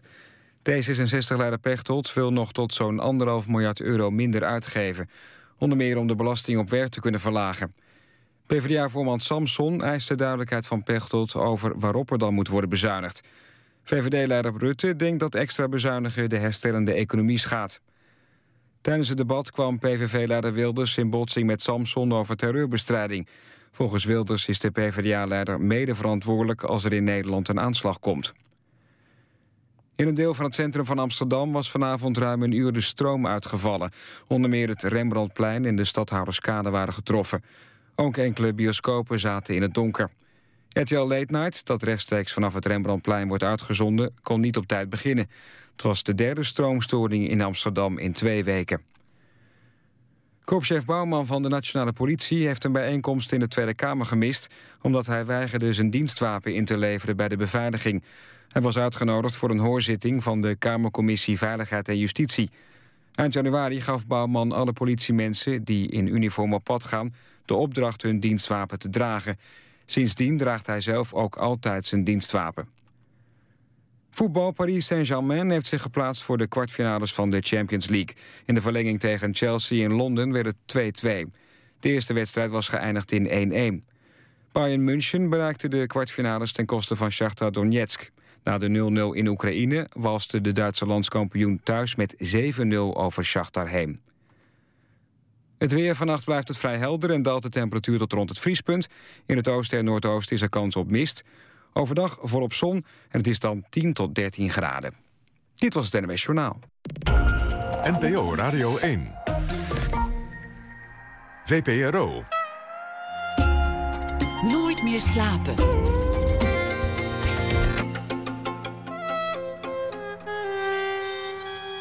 Met Pieter van der Wielen. U luistert naar Nooit meer slapen. Katelijn Schilder is uh, schrijver, zal deze week elke dag een uh, verhaal baken op basis van iets dat ze de afgelopen dag uh, aan zich voorbij heeft zien trekken. Ze heeft ook twee romans geschreven naast vele korte verhalen. De één ding was er een en de ander heette Eerst een huis. Goedenacht, Katelijn. Dag Pieter. Wat voor dag was het voor jou? Nou, hier thuis was het een heel lekker dagje. Ik was vrij. Oh. En de zon scheen. En ik ben de hele dag buiten geweest, zo'n beetje. Dat is een hele gevaarlijke gedachte voor een schrijver, zeggen ik was vrij. Een schrijver is, nooit vrij. Een schrijver moet nooit vrij. altijd schrijven. Ik had allemaal stemmetjes in mijn hoofd natuurlijk. Maar um, uh, ik heb er weinig naar geluisterd, moet ik zeggen. ik was vooral buiten. Lekker. En, uh, en, de, de wereld? Heb je, heb je nog iets uh, meegekregen van de rest van planeet Aarde? Ja, um, ja zeker. Nou, wat, wat me wel ineens opviel... waren... Uh, nou, ik, ik had al een tijdje Hillary Clinton in mijn hoofd... met haar verklaring over haar e-mails. Ja, over, over Hillary Clinton. Het was, het was niet, maar ik vind het zo leuk klinken... Hillary Clinton at hotmail.com, maar dat, dat, was het niet. niet, maar het had het kunnen zijn. En, uh, en uh, tegelijkertijd vanmorgen had Marjolein Faber van de PVV um, ook een verklaring afgelegd over waarom zij haar zoon had gevraagd om een website te bouwen. En, um, en je had natuurlijk gisteren nog de verklaring van Mark Rutte in het debat. En dat was ook een ICT-akkefietje eigenlijk. Dus ik dacht, die drie die zijn gewoon aan elkaar verbonden op een hele vreemde manier. Ja, die verklaring van Faber, dat vond ik ook de beste verklaring die een moeder kan geven. Politiek handig of niet, daar gaat het even niet over. Maar die zei, ja, mijn zoon is gewoon de beste. Dat bedrijf van mijn zoon is gewoon het beste bedrijf. Dat hoor je als moeder te zeggen. Dat moet ik er nageven. Ja. ja, vond ik ook. En uh, het, het, het, ze was ook lekker boos. Dat was ook goed om naar te kijken. En over, over dat, een, een, dat het een oude computer was, of een oud soort floppy. En dat je, daar kan ik me wel iets bij voorstellen. Dat je dan zo'n zachte floppy hebt en dat er nergens meer een computer is waar je zo'n zachte floppy in kan stoppen. Ja.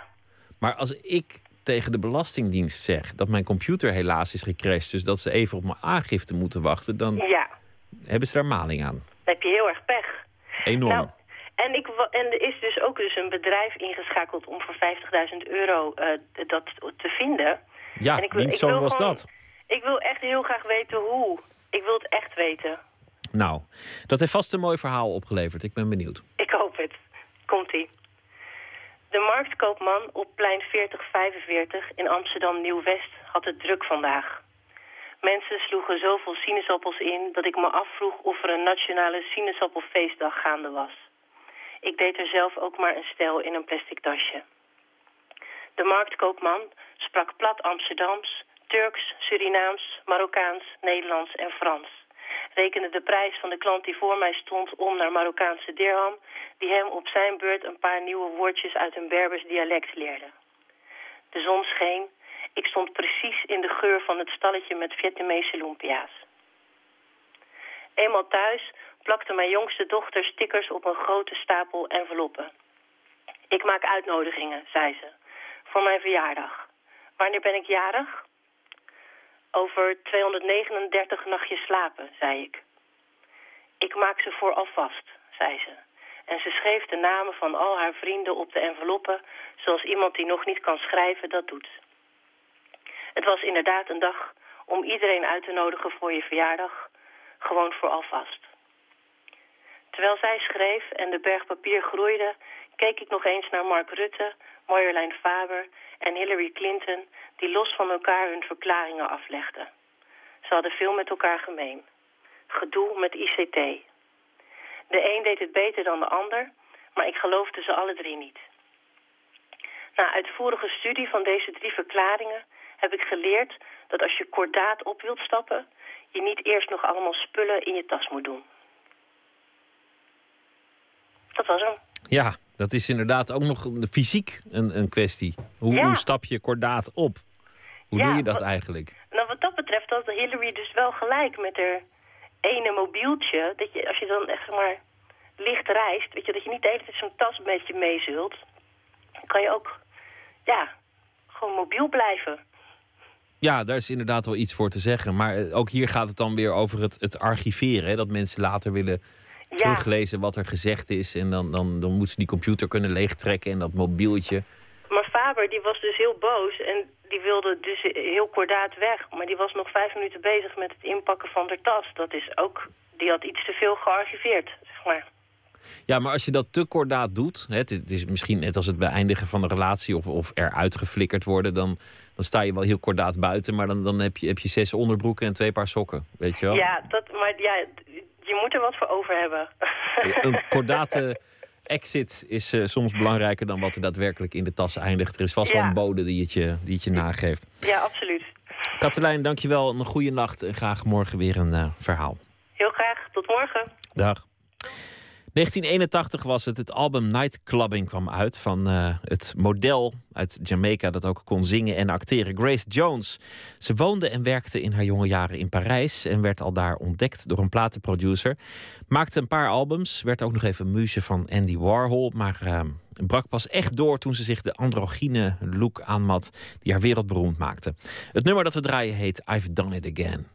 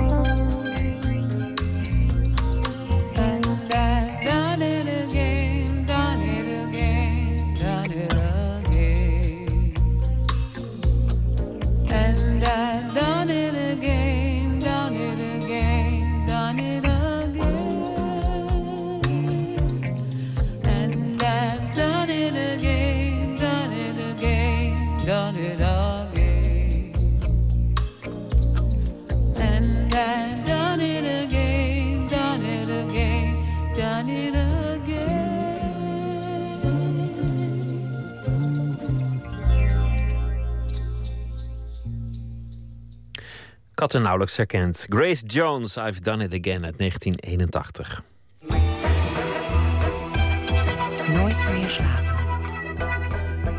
Hij werd er eh, wereldberoemd mee. De foto's van de rookbom bij het huwelijk van eh, Beatrix en Klaus. De happenings op het lievertje. En de foto's van John Lennon en Yoko Ono samen in het Hilton in bed. Cor Jaring. Anderhalf jaar na zijn dood brengt Huis Marseille in Amsterdam een overzichtstentoonstelling van zijn leven en van zijn werk. De titel daarvan is Cor was hier. Samengesteld door fotograaf Sander Troelstra. Die de laatste twee jaar eh, lang het leven van Jaring intensief volgde en eh, met hem optrok. Matthijs Deen die zocht Troelstra op bij de opbouw van de tentoonstelling. De stem van Cor die u hoort in de reportage, komt uit de documentaire die Jasper Henderson in 2010 over hem maakte.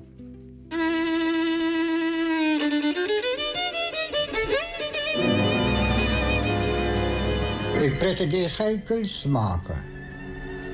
Als het kunst is, dat zien we wel, dan is het meegenomen. Dat maakt de tijdgeest uit en je omgeving. Van, oh, een mooie foto, wat een mooi schilderij, een mooi beeld.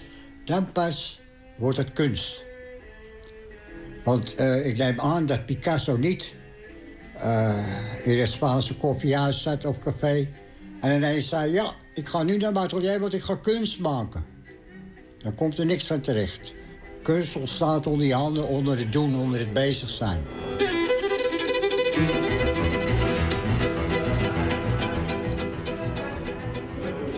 Ja, ik kan wel. eh, zeg maar, eh, in de bel-etagezaal komt eh, vooral toch wel bekend werk. En ehm, er komt een stukje ja, Provo, straatbeelden, Haring Ari. En het, het havenwerk van eh, Cor en een, een klein stukje onbekend werk van de familie uh, Tata Mirando. En dat is heel vroeg werk, 1962. Dat is eigenlijk heel mooi. Ik laat het zien. Ja, dat staat hier. Oh ja, Het uh, Zigeunerorkest. eh, daar is Cor eh, in 1962 is hij daar geweest. Ja, dat laten we eigenlijk ook voor het eerst zien. Hier was hij gewoon net begonnen. Ja. Her- Herken je hem hierin? Ja, ik heb dit ook bewust gekozen omdat hoe zij leven en die vrije levensstijl... en toch een beetje dat, dit schuren aan de, aan de onderkant... dat is iets wat Cor gewoon... dat, dat, daar had hij hij iets op. mee. Ja, daar had hij iets mee. Vandaar dat hij daar heel makkelijk naartoe ging... en, en, eh, en- ook zo heel die familie zo bij elkaar krijgt. Omdat, eh, zo zie ik dat eigenlijk voor me. Van, ja, allemaal even bij elkaar. Allemaal even voor, even voor de foto. En dat, eh, dat was echt Cor. Die, die, die was heel ja, Aanwezig. aanwezig. Ja, ja dat, was een, dat was een kracht. Het heeft ook net geregend. Ja, het is, ja, je- ja, ik vind het zelf ook prachtig. Want je ziet hoe ze daar ja, leven. Er staat een, stoel en een auto op zijn kant. En aanhangwagen, alles vergaat een beetje. Maar daar, ja, daar hangt toch wel een soort interessante sfeer dat er geleefd wordt. Volgens mij is hij hier ook op een stoeltje gaan staan of zo. Ja, hij staat inderdaad hoger. Ja. Wat gelijk zijn aanwezigheid benadrukt natuurlijk voor die mensen. Ja, het grappige is ook als je kijkt helemaal hier achterin zitten ze. hier zit nog- Hier zit een kind en hier staan nog mensen en daarachter staan nog mensen. Dus het is echt Ja. een, ja, er gebeurt eigenlijk van alles. Ook nog in de achtergrond. En dat vind ik heel mooi aan dit, eh, ja, aan dit familieportret. Hij is aanwezig. Aan de andere kant gaat het leven toch in zekere zin gewoon door. Ja. Eh, Als je fotografeert, dan heb je zo'n moment van iedereen kijkt naar de camera. Maar er zijn ook soort tussenmomenten waarin er dan onderling weer gecommuniceerd wordt. En dat zijn vaak hele, ja, hele interessante beelden. En dat, dat zie je dus hier. Dat is prachtig. Ja, ja er is altijd eh, een soort contact van eh, de mensen zijn zich bewust van, van door wie ze gefotografeerd worden.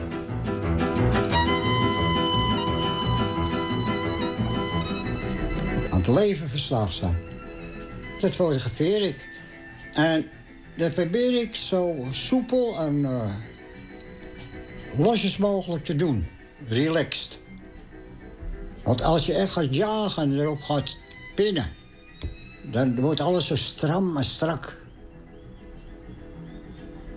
Want ik heb gewielrend en ik weet uit ervaring...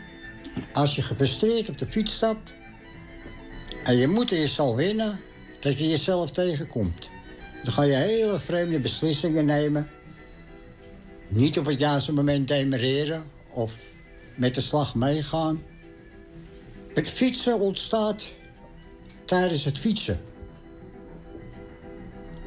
En dat is met de fotografie ook zo. Als ik met mijn cameraatje eh, hier op straat loop of waar ook ter wereld... laat ik het op me afkomen. Maar als ik een mechtig ga zoeken... Kijk, je kan een onderwerp kiezen. Of putdeksels, of mensen, of eh, huizen, architectuur. Of... Maar daar ik een sociaal fotograaf ben... dus een mensen, mensen, mens... ben ik op mensen. En het liefst in hun omgeving. Daar waar ze in werken, opgroeien, leven. En dat probeer ik zo relaxed en ontspannen mogelijk te doen. En dan komt het vanzelf op je af of het komt niet. Nou, dan leg ik mijn camera neer, dan ga ik of in een koffiehuis zitten... of ik ga een boek lezen, of ik ga het strand liggen, of weet ik veel wat. Dan laat ik er wel weer komen. Maar als je dat met een bepaalde druk doet... dat vind je terug in je werk. Eh, dan wordt alles zo stram en strak en gezocht. Wat ik te gek werk vind is eh, Japan. En eh Cor is in begin jaren 60 naar Japan eh, gegaan. Dat is een soort eenmansmissie. en, ehm, ja, en toen zat hij daar. En dat vind ik eigenlijk wel mooi, want er zijn ook nu persoonlijke brieven naar boven gekomen... waarin hij heel eerlijk is naar zijn vrouw Willy... hoe die, hoe die daar eigenlijk worstelt met, met van de grond komen... met al die, die grote verwachtingen zeg maar, die, er, die er zijn. En dan hij heeft eh, mij wel eens verteld over dat er gangsters achter hem aan zaten. En, en ik vond dan dit beeld zeg maar, in, in, eh, in zijn archief. En voor mij begon dat helemaal Want wat te zie je? leven. Ja, dat zijn twee mannen die... Ja, het zouden politieagenten kunnen zijn. Het kan ook Yakuza zijn, je weet het niet. Het is... eh, ja. Voelt niet pluis. Nee, het voelt inderdaad. Er is iets. je ziet hem ook kijken. Ook dat is. Ik, ja, het is een heel filmisch beeld. En dat vond ik mooi. En daar heb ik eigenlijk ook wel op ge- geselecteerd. Hoe die die reis beleeft. Dat vind ik eigenlijk veel interessanter dan uiteindelijk eh, zeg maar de onderwerpen die hij meekreeg om, eh, om er mooie reportages te maken. Maar je ziet eigenlijk zijn eigen avontuur. En dat, dat vind ik heel, eh, heel sterk. En je, en je komt dan ook eigenlijk al die onderwerpen weer tegen die, eh, waar hij iets mee had. Maar als, als ik zeg, het lijkt alsof het ook... eh, het had bij wijze van spreken ook hier gefotografeerd kunnen zijn. Dat het, begrijp wat ik bedoel? Dat, dat je dan ook aan deze mensen ziet... of aan de manier waarop die foto is opgebouwd... dat het, dat het eigenlijk bijna niet uitmaakt dat het Japan is... maar dat het mensen zijn. Ja, ja. Ik bedoel, je kan het exotische zoeken als je in Japan bent... maar dat is dus niet wat hij doet. Ja, hij heeft er, er onwijs mee eh, geworsteld, maar op een gegeven moment eh, schiet hij dan toch zo een beetje de, de, de, de grimmige kanten in van, eh, van Tokio. Het nachtleven en hoertjes en pooiers en er gebeurt van alles. En, en daar gedijt hij eigenlijk heel goed. En, dan, en alles wat hij daar fotografeert is ook, ja, is ook heel interessant. Omdat dat overal hetzelfde verhaal is. En dat hij zich op zijn gemak voelt daar. eh, ja, hij, ja.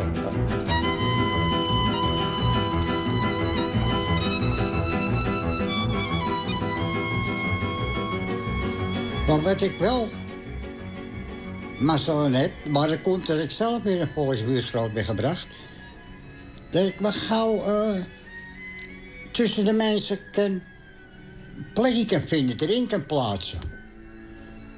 Het is wel misschien één of twee keer in mijn hele loopbaan voorgekomen dat mensen zeiden: hé, hey, mijn filmpje eruit, of ik wil niet op de foto, of uh, zo de niet erop. Of, of dat nou aan mijn uitstraling ligt, dat, dat weet ik niet, maar ik kan me er goed in plaatsen. Ik wou me zo geen arbeider worden. Nederland herrijst, de vrede was uitgebroken, dus klauwen de mouwen, de ruggen eronder. Maar ik zag iedere morgen zo'n heel leger van het grauwe grut. Het werkte zich in zweet in de Amsterdamse haven. En toen zei mijn opoe, die zei, Corretje, lieve schat... als je arbeider wordt, is goed... maar wees dan een arbeider en geen slaaf van het kapitaal. En dat had ik heel goed in mijn hersenen geknoopt. Dus ik denk, hoe kunstenaar? Dan ga ik in andere werkkleding lopen. Ja, gaat de haren sokken open, sandalen. Nou, haar laten groeien, een baardje en een pijp in je bek. En dan zag je er al heel gauw uit als een echte kunstenaar. Oh, kijk. Dit zijn kleine... Ja, dit kleine... is, ja, dit is het eh, lichthof. En hier komt, nou ja, zoals ik vertelde, eh, een, eh, een persoonlijke brief van Cor... die hij schrijft aan zijn vrouw. En die komt hier eh, ook eh, uitvergroot.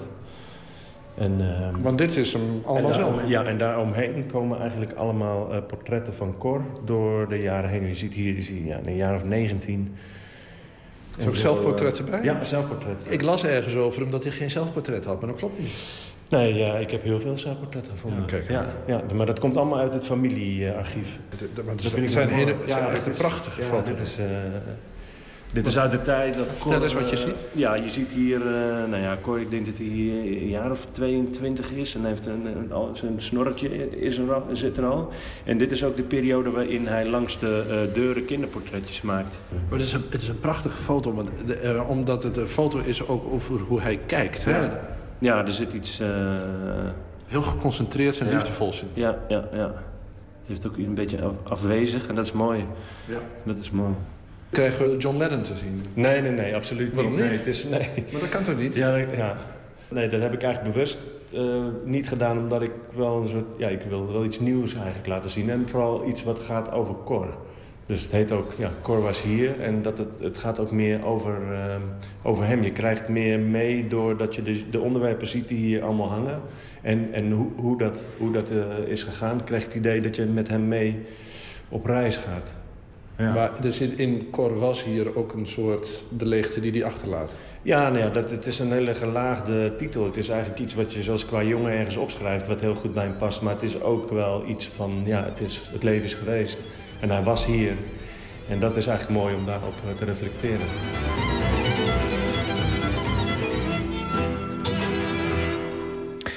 De stemmen van eh, Sander Troelstra en eh, de samensteller van de tentoonstelling Cor was hier in Huis Marseille in Amsterdam. En van Cor Jaring zelf uit de documentaire die Jasper Henderson in 2010 eh, over hem maakte. Zaterdag gaat de tentoonstelling open en de bijdrage kwam van Matthijs Deen.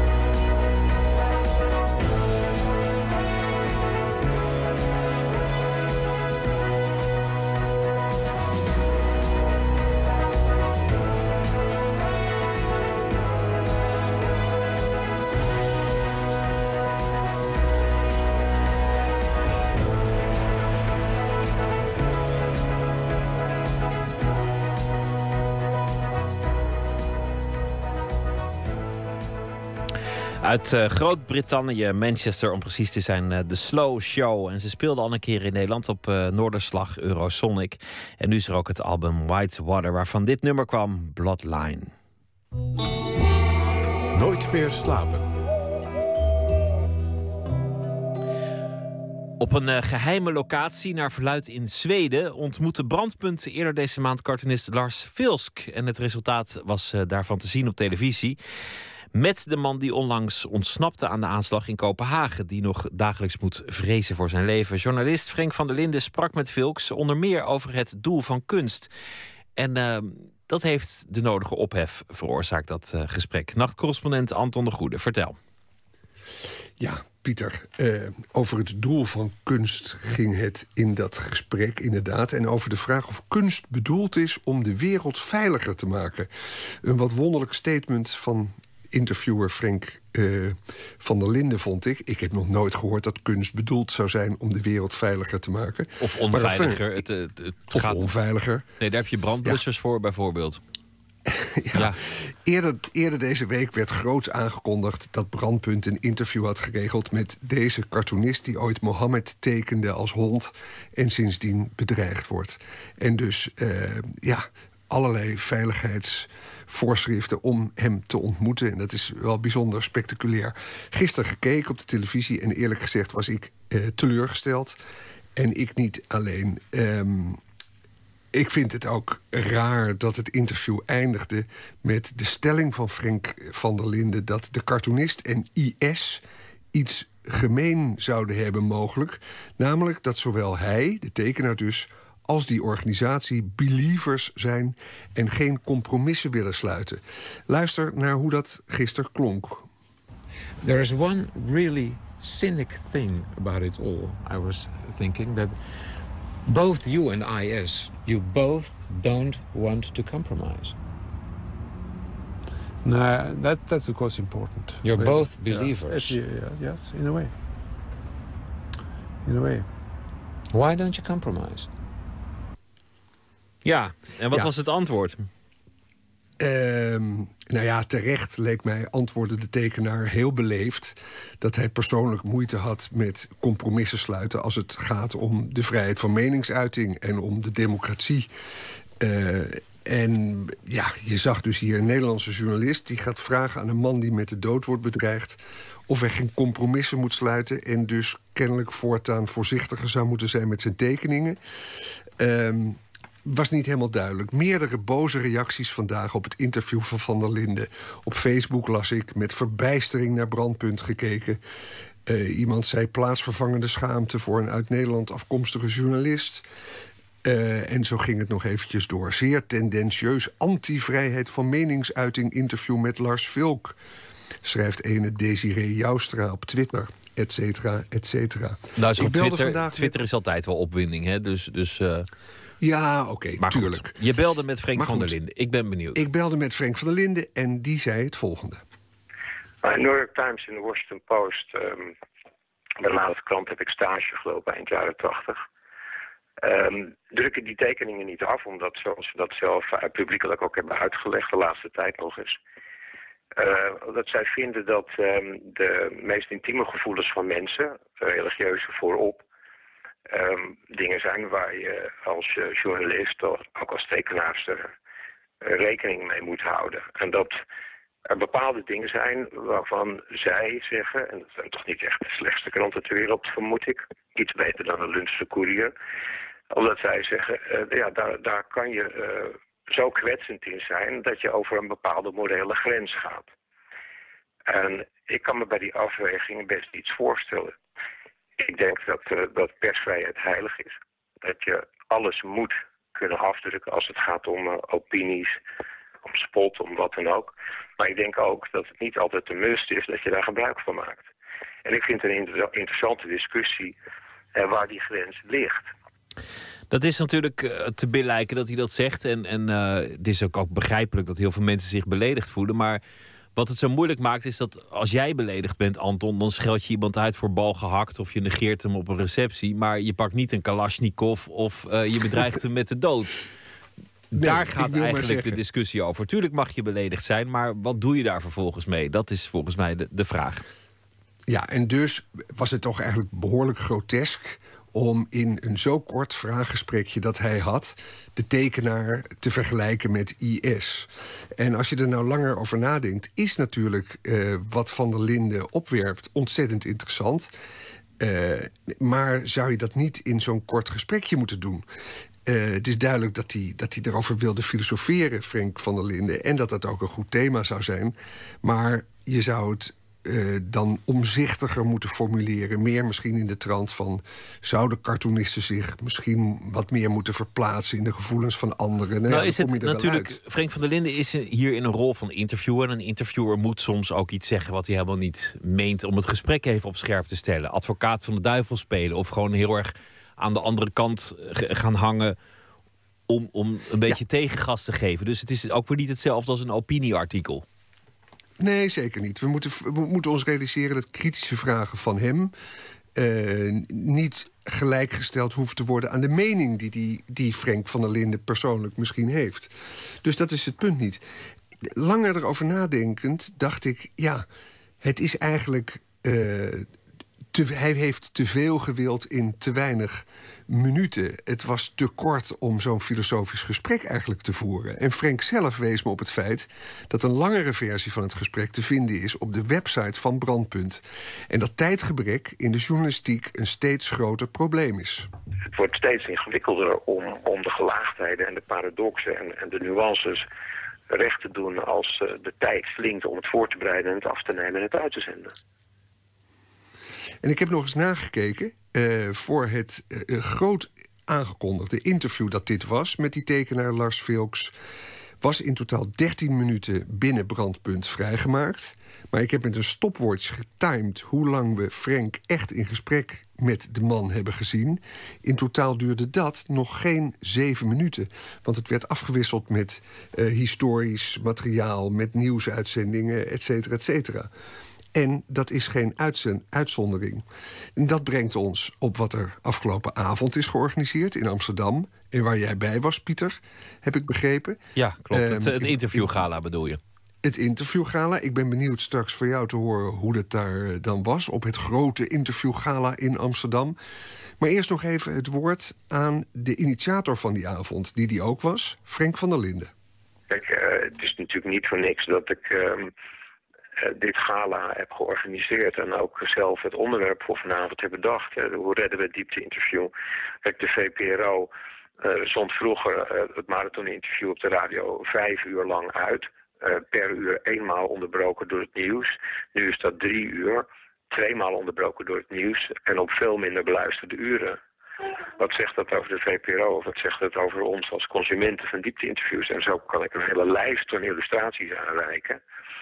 Ja, als, ik, als ik een les geef bij, bij kranten, bij weekbladen, op, op eh, redacties van, van grote omroepen, dan zit ik altijd tegenover een grote groep hooglijk eh, gefrustreerde collega's die stuk voor stuk zeggen: We hebben ontzettend veel minder tijd om, om, om die interviews voor te bereiden.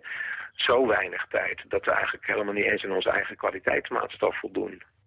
Juist. Nou ja, dat is, eh, dat is op zich een goed punt. Ehm, dan moet je natuurlijk wel van tevoren weten hoeveel tijd je hebt en of het de moeite waard is om in die tijd een bepaald debat aan te zwengelen. Dus, dus dat staat er eh, een beetje los van.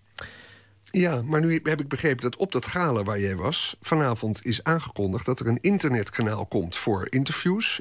eh, waar juist dit soort lange gesprekken mogelijk zouden kunnen zijn. Wat heb je daarvan gehoord? Nou, ik heb, ik heb gehoord dat ze iets lanceren en eh, dat klinkt sympathiek. En eh, nou ja, dat moeten we maar, eh, moeten we maar afwachten. Ja, verder was het wel, was het wel interessant, zo'n gala. Ik, ik eh, voel me er nooit helemaal als een vis in het water. Ik zou ook zelf nog iets zeggen, maar eh, het liep uit en uit. Want eh, daar was wel ineens tijd. Dus ik, ik ben op een gegeven moment, eh, eh, moest ik er vandoor omdat ik gewoon hier moest zijn. Dat maakt verder niet uit, maar... eh, Ja, want eh, Joris Luijendijk wachtte op jou. Ja, precies. Dus ik moest hier op tijd zijn. Ik vond het ook helemaal niet erg, want mijn broek was gescheurd. Dus dan moest ik op dat podium staan eh, in, mijn- in mijn boxershorts een beetje. Dus ik dacht, nou, op de radio maakt het niet uit. Maar hier in de Schouwburg, wegwezen. Hoezo was je broek gescheurd? Ja, op de naad. Dat heb je soms. Nou ja, we, we dwalen af. Anton de Goede, dankjewel. we dwalen af. Goeienacht. Oké, goeienacht Pieter. Sometimes I sit and think and sometimes I just sit wordt eh, de titel van het eerste waarachtige album van de Australische zangeres Courtney Barnett. Een debuut waar eh, we erg eh, naar uitkijken. Luister naar een eerder vrijgegeven nummer over huisbezichtiging in het stadje Preston, waar je helemaal depressief wordt als je de levens voorstelt die ooit in dat huis zich hebben afgespeeld. Hier is Die Preston. You said we should look out further. I guess it wouldn't hurt us. We don't have to be around all these coffee shops. Now we got that percolator. Never made a latte greater. I'm saving $23 a week.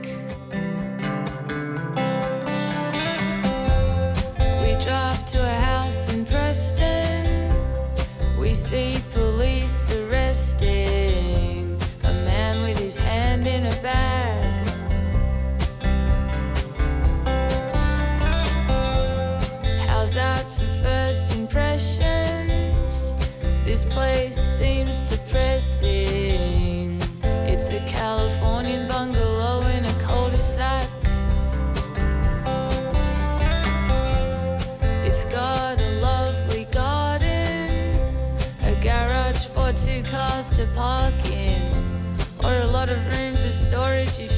just got one. And it's going pretty cheap, you say? Well, it's a deceased estate. Aren't the pressed metal ceilings great?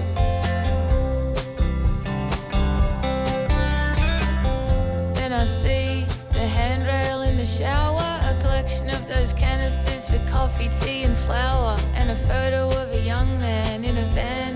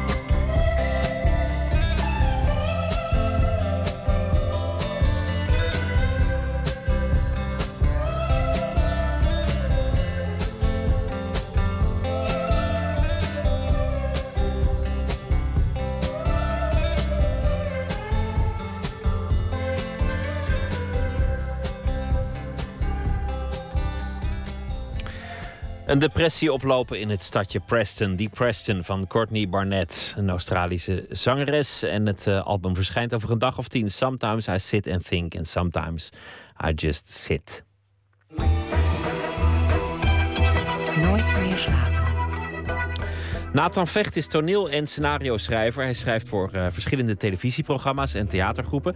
Afgelopen avond ging Kunsthart in première. Een toneelstuk dat wordt gespeeld door toneelgroep Mug met de Gouden Tand. En geschreven door Nathan Vecht. Hij heeft een uh, flinke productie. Reden voor verslaggever Botte Jellema om hem eens uh, op te zoeken. Kunsthart is een voorstelling over een aantal publieke figuren uit ons land... die we achter de schermen zien in, laat ik zeggen, um, zo goed als waar gebeurde situaties. maar ze zijn wel gebaseerd op dingen die, die we allemaal weten uit het nieuws. Het heeft allemaal te maken met het raakvlak van kunst en politiek. Premier Rutte, Eigenlijk zijn wij alle twee volwassen. De speech van dichter des Vaderlands Ramsi Nasser op het Malieveld in Den Haag... naar aanleiding van de kunstbezuinigingen. Dan bent u een leugenaar. Het is daarnet al gezegd... Het gesteggel over de fietsen onder doorgang... bij de verbouwing van het Rijksmuseum in Amsterdam. Maar dat dat fietsnetwerk wat Amsterdam heeft opgebouwd... en in het bijzonder de mooiste fietspad van de wereld... dat poetsen we wel even weg. Dat vind ik een schande. Voor iemand die de cultuur zegt te hoeden. Nee, ik ben meer met fietsers bezig dan met Rembrandt. En het optreden van het Koninklijk Concertgebouworkest... samen met Armin van Buren... bij de inhuldiging van Willem-Alexander als koning. Ik hoorde je helemaal niet, joh. Nee, dat is niet helemaal goed gegaan. Uh, in principe hoorde ik mezelf wel heel hard. Maar ik ben dan afhankelijk van de jongen in de front of house... die mij dan goed uh, uitmixt. Wat dacht de premier toen hij Ramsi Nasser hoorde? En hoe zijn de gesprekken tussen de Fietsersbond en de directeur van het Rijksmuseum eigenlijk gegaan? En wie heeft geregeld dat het Concertgebouworkest optrad met DJ Van Buren? Hoe moet het zijn geweest als je op dat moment in die kamertjes was? Wij zijn niet groots en meeslepend. Wij zijn klein en winstgevend. Dat zien we in de voorstelling Kunsthart.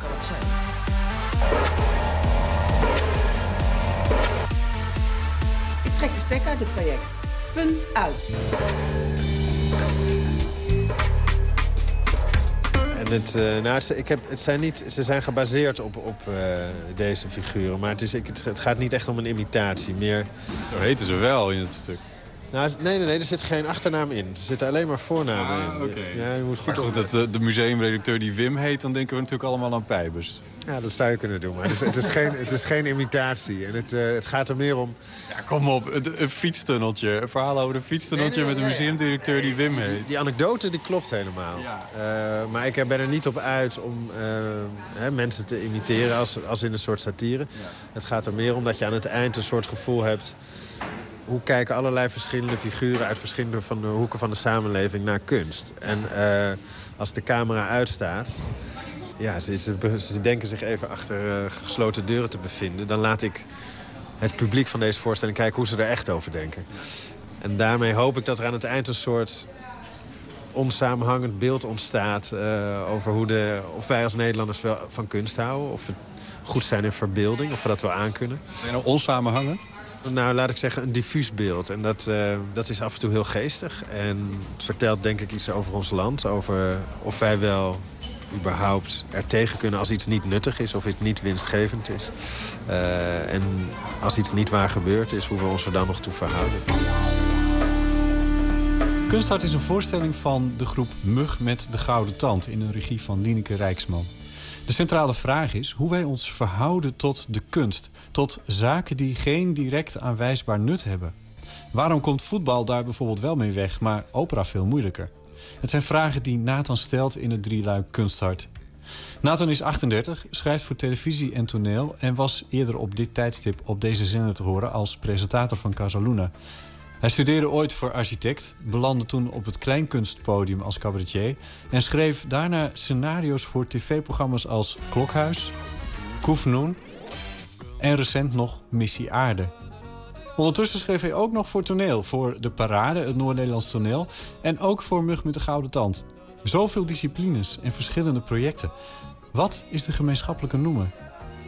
Het is nogal wat om, uh, om, om, om, uh, om te vragen, om een... Uh... Ja, denk je er nooit over na? Nou, ik, ik, denk er vooral over na dat ik bezig ben met dingen maken die ik op dit moment graag wil maken. En ook met mensen met wie ik die wil maken. Zo heb ik nu bijvoorbeeld...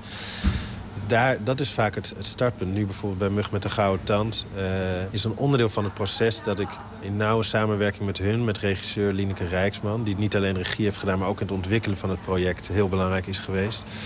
met de acteurs daar aan de slag ga. Um, met eh, Missie Aarde, de um, comedy-serie die, die ik voor de VPRO heb geschreven. Televisie? Ja, televisie.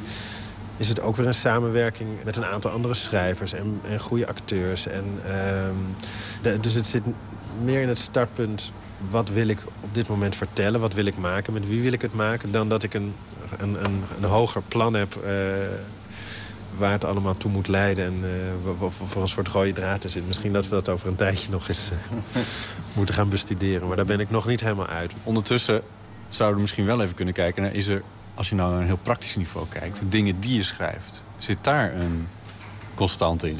Als, je, als ik nou naar de verschillende dingen kijk, bijvoorbeeld uh, Kunsthart... waarin je bijvoorbeeld een, een nieuwsmoment neemt als het tunneltje onder het Rijksmuseum als gegeven... en de discussie die erachter zat.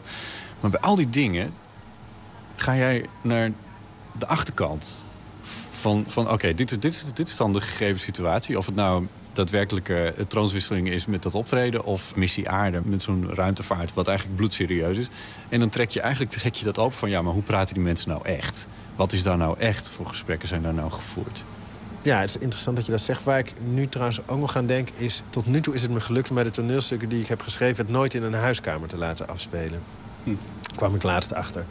Dus ik heb een soort voorliefde voor fysieke plek. Misschien zit daar nog iets van die architectuurstudie in... om te beginnen met een idee. En het liefst doe ik dat in een publieke ruimte... waar mensen elkaar tegen kunnen komen... die elkaar in het dagelijks leven eigenlijk niet zoveel tegenkomen. En dat vind ik... En dat, zie je nu, dat zit ook in kunstart. Mensen die elkaar, hè, de, de beroemde dirigent en de vrouw van de DJ... dat zijn hele interessante ontmoetingen. Um, en denk ik ook wel belangrijke ontmoetingen in een wereld... waar we steeds meer in losse groepjes aan het leven zijn... die hard tegenover elkaar komen te staan... om, om, om juist af en toe elkaar te ontmoeten. En dan kan je elkaar in de haren vliegen. Maar je kan ook met een zekere nieuwsgierigheid je eigen mening misschien een klein beetje bijschaven. Uh, dat is eigenlijk natuurlijk een standaard gegeven van goed drama. Mensen die het niet met elkaar eens zijn, zet je bij elkaar in een ruimte. En die moeten iets met elkaar. Ja, maar dan hou ik er denk ik van om mensen bij elkaar in een ruimte te zetten... die er daar niet voor gekozen hebben. Dus niet het 50-jarige huwelijk dat barst met een fles whisky... maar um, wildvreemde figuren die toevallig met elkaar in hetzelfde stemlokaal zitten... of met elkaar opgescheept zitten in een ruimteschip. Uh, of in dit geval, omdat de koning dat wenst... Een, een, rampzalig artistiek project moeten doen... terwijl ze echt helemaal niets met elkaar uh, gemeen hebben. En daar zit een hele mooie vorm van drama in. En het is ook een goede grond uh, voor comedy. Ja. Wanneer heb je zelf voor het laatst in zo'n ruimte gezeten? Ja, dat is grappig. Dat is een hele goede vraag. Want iemand heeft me dat laatst uitgelegd... dat um, naarmate de urbanisatie toeneemt... zijn we steeds minder gedwongen om uh, met totaal anderen ons te omgeven. Als je in een dorp woont en je bent de dokter... en je woont naast de vuilnisman... dan moet je wel met elkaar, omdat je in die kleine gemeenschap woont... Uh, moet je met elkaar zijn. In de wat grotere steden klont, klonteren gelijkgestemden bij elkaar... wat ook een hele normale dierlijke situatie is...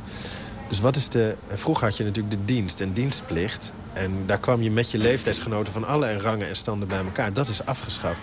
Dus het enige moment dat wij nog um, op een plek zijn... waar we zeg maar, met een dwarsdoorsnede van onze hele generatie... dat is, het, ons theorie-rijexamen. Dat is het enige moment in ons hele leven... zoals wij hier nu... Hè, we zitten hier nu in Amsterdam. Zoals wij nu leven, dat we daar dat we in zo'n situatie terechtkomen. En zelfs het theorie-rijexamen is niet verplicht. Je kan het ook niet doen, maar... Uh, of je, dan krijg je, als je überhaupt ja, nou, geen je rijbewijs niet. Dus je kan er een heel leven lang kan je, je hier aan onttrekken. En dat uh, is eigenlijk best wel een, een zorgelijk iets. Want um, hoe minder contact je krijgt met, met anderen... hoe minder je erin kan verplaatsen... Hoe, hoe makkelijker het is om mensen tegen elkaar op te zetten. Dus het is klinkt misschien wel geestig, maar het is volgens mij een, best wel een groot probleem. Ik woon sinds een maand in Berlijn. En Berlijn is ontzettend arm. Uh, echt, ze hebben daar een, een, enorme, autochtone, blanke, grote, hele arme groep mensen in die stad wonen. En daar kan je gewoon, behalve als je je op een rare manier opsluit in een, in een deftig wijkje... Ja, daar kan je niet omheen. Of het is hier in Amsterdam eenvoudiger om je in je op die manier in een soort eigen bubbel te, eh, te begeven dan daar, heb ik nu het gevoel. Ik heb bijvoorbeeld een toneelstuk gemaakt een aantal jaar geleden voor de parade. En dat speelde zich af in een stemlokaal... waar twee vrijwillige vrouwen die ook uit totaal verschillende groepen kwamen... met elkaar daar het stemlokaal moesten runnen. Vervolgens kwam er een jongen binnen die twijfelde over wat hij moest stemmen. Dus het gordijntje van het hokje dichtte en daar niet meer uitkwam op zich niet heel realistisch, maar het zou toch ook wel weer kunnen. Maar je hebt in ieder geval drie totaal verschillende figuren in een ruimte die een tijdje met elkaar opgescheept zitten. Dat soort plekken hou ik heel erg van. En uh, ik ben benieuwd hoe lang ik het volhoud om geen huiskamer en een toneelstuk te krijgen. Maar ik ga. Ik, er zit iets aan te komen waardoor het volgens mij misgaat. Maar dat, uh, daarover een andere keer meer. Botte Jellema in gesprek met toneel- en scenario-schrijver Nathan Vecht. Het uh, stuk heet Kunsthart en dat ging vanavond in première in Haarlem in de toneelschuur. Gespeeld door De Mug met de Gouden Tand en nog uh, te zien tot eind mei in theaters door het hele land. We vragen dichter en criticus en klassicus Piet Gerbrandi om de uitzending uh, min of meer af te sluiten met een gedicht. Elke dag een andere keuze. Hij had zelf een bundel, niet zo lang geleden. Vlinderslag, waarvoor hij de Jan Kampertprijs won. Hij heeft gekozen vannacht voor een gedicht van Willem Bilderdijk. Een van zijn favoriete dichters.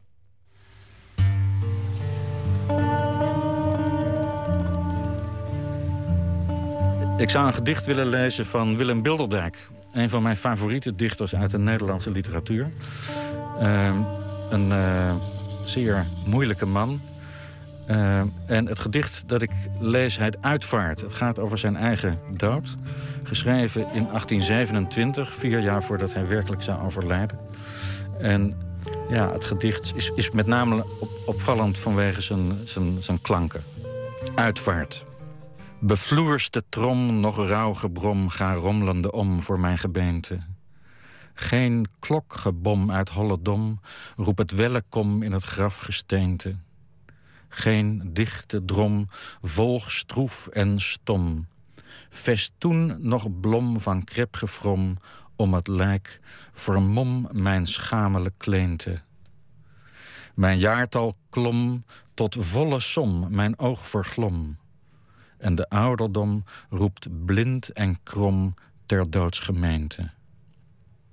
Wat zoude ik thans, beroofd der glans van s hemels trans, op de aard begeren?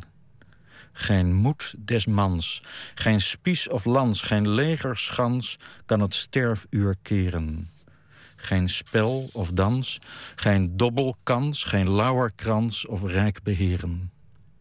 Een handvol zand, des grafkuilrands is het nietig gans dat de as mag eren de beet des stands des aardtirans, des mensenstands, zal het lijk verteren. Doch wat dit mij, die banden vrij in het uitzicht blij dat ik belei op het noodgetij mag triomferen? Ik juich en strij, wat glip of glij, hij staat mij bij die het af kan weren. Geen dwinglandij, geen razernij, geen helharpij van sofisterij, geen nood die wij aan Jezus zij niet stout braveren. Zijn engelenrij verorden hij tot wachters om ons hoofd. Geen onheil kan ons deren. Piet Gerbrandi, dichter, klassicus en criticus, die uh, las een gedicht van Willem Bilderdijk. En zo zijn we bijna aan het einde gekomen van deze aflevering van Nooit meer slapen. Morgen na middernacht zijn we weer. Fotograaf Edo Hartman is dan op bezoek. Hij kreeg als een van de weinige westerse fotografen toestemming om te fotograferen in uh, de hoofdstad van Noord-Korea, Pyongyang. En hij uh, maakte daar een, een, serie van, Setting the Stage Pyongyang, Noord-Korea. Die is te zien in Amsterdam, een expositie al daar. Prachtige beelden van uh, totalitaire gebouwen en van een socialistische helstaat. Maar langzaam, als je goed kijkt, dan zie je ineens uh, de scheuren in de muren en de totale afwezigheid van uh, mensen. Is die helstaat wel de helstaat geworden die ze hadden gehoopt? En hoe kun je dat vertalen in een mooi beeld als je weinig tijd hebt om daar foto's te maken? We gaan het ook hebben over het huwelijk tussen Gerard Reven en dichteres Hanni Michalis. Want het bleef kinderloos. Maar wie was die jonge man die Reven in 1969 aan vriend en vijand voorstelde als zijn geheime zoon. Een ontmoeting met de inmiddels 69-jarige Rijkjan Sikkel. En ook aandacht eh, besteden we aan Fauser, een graphic novel over een hedendaagse antiheld. Waarbij voor elk hoofdstuk een schrijver aan een tekenaar is gekoppeld. Dat allemaal morgen. Voor nu een hele goede nacht. Straks op deze zender de Vara met Top Radio. Graag weer tot morgen en een hele goede nacht.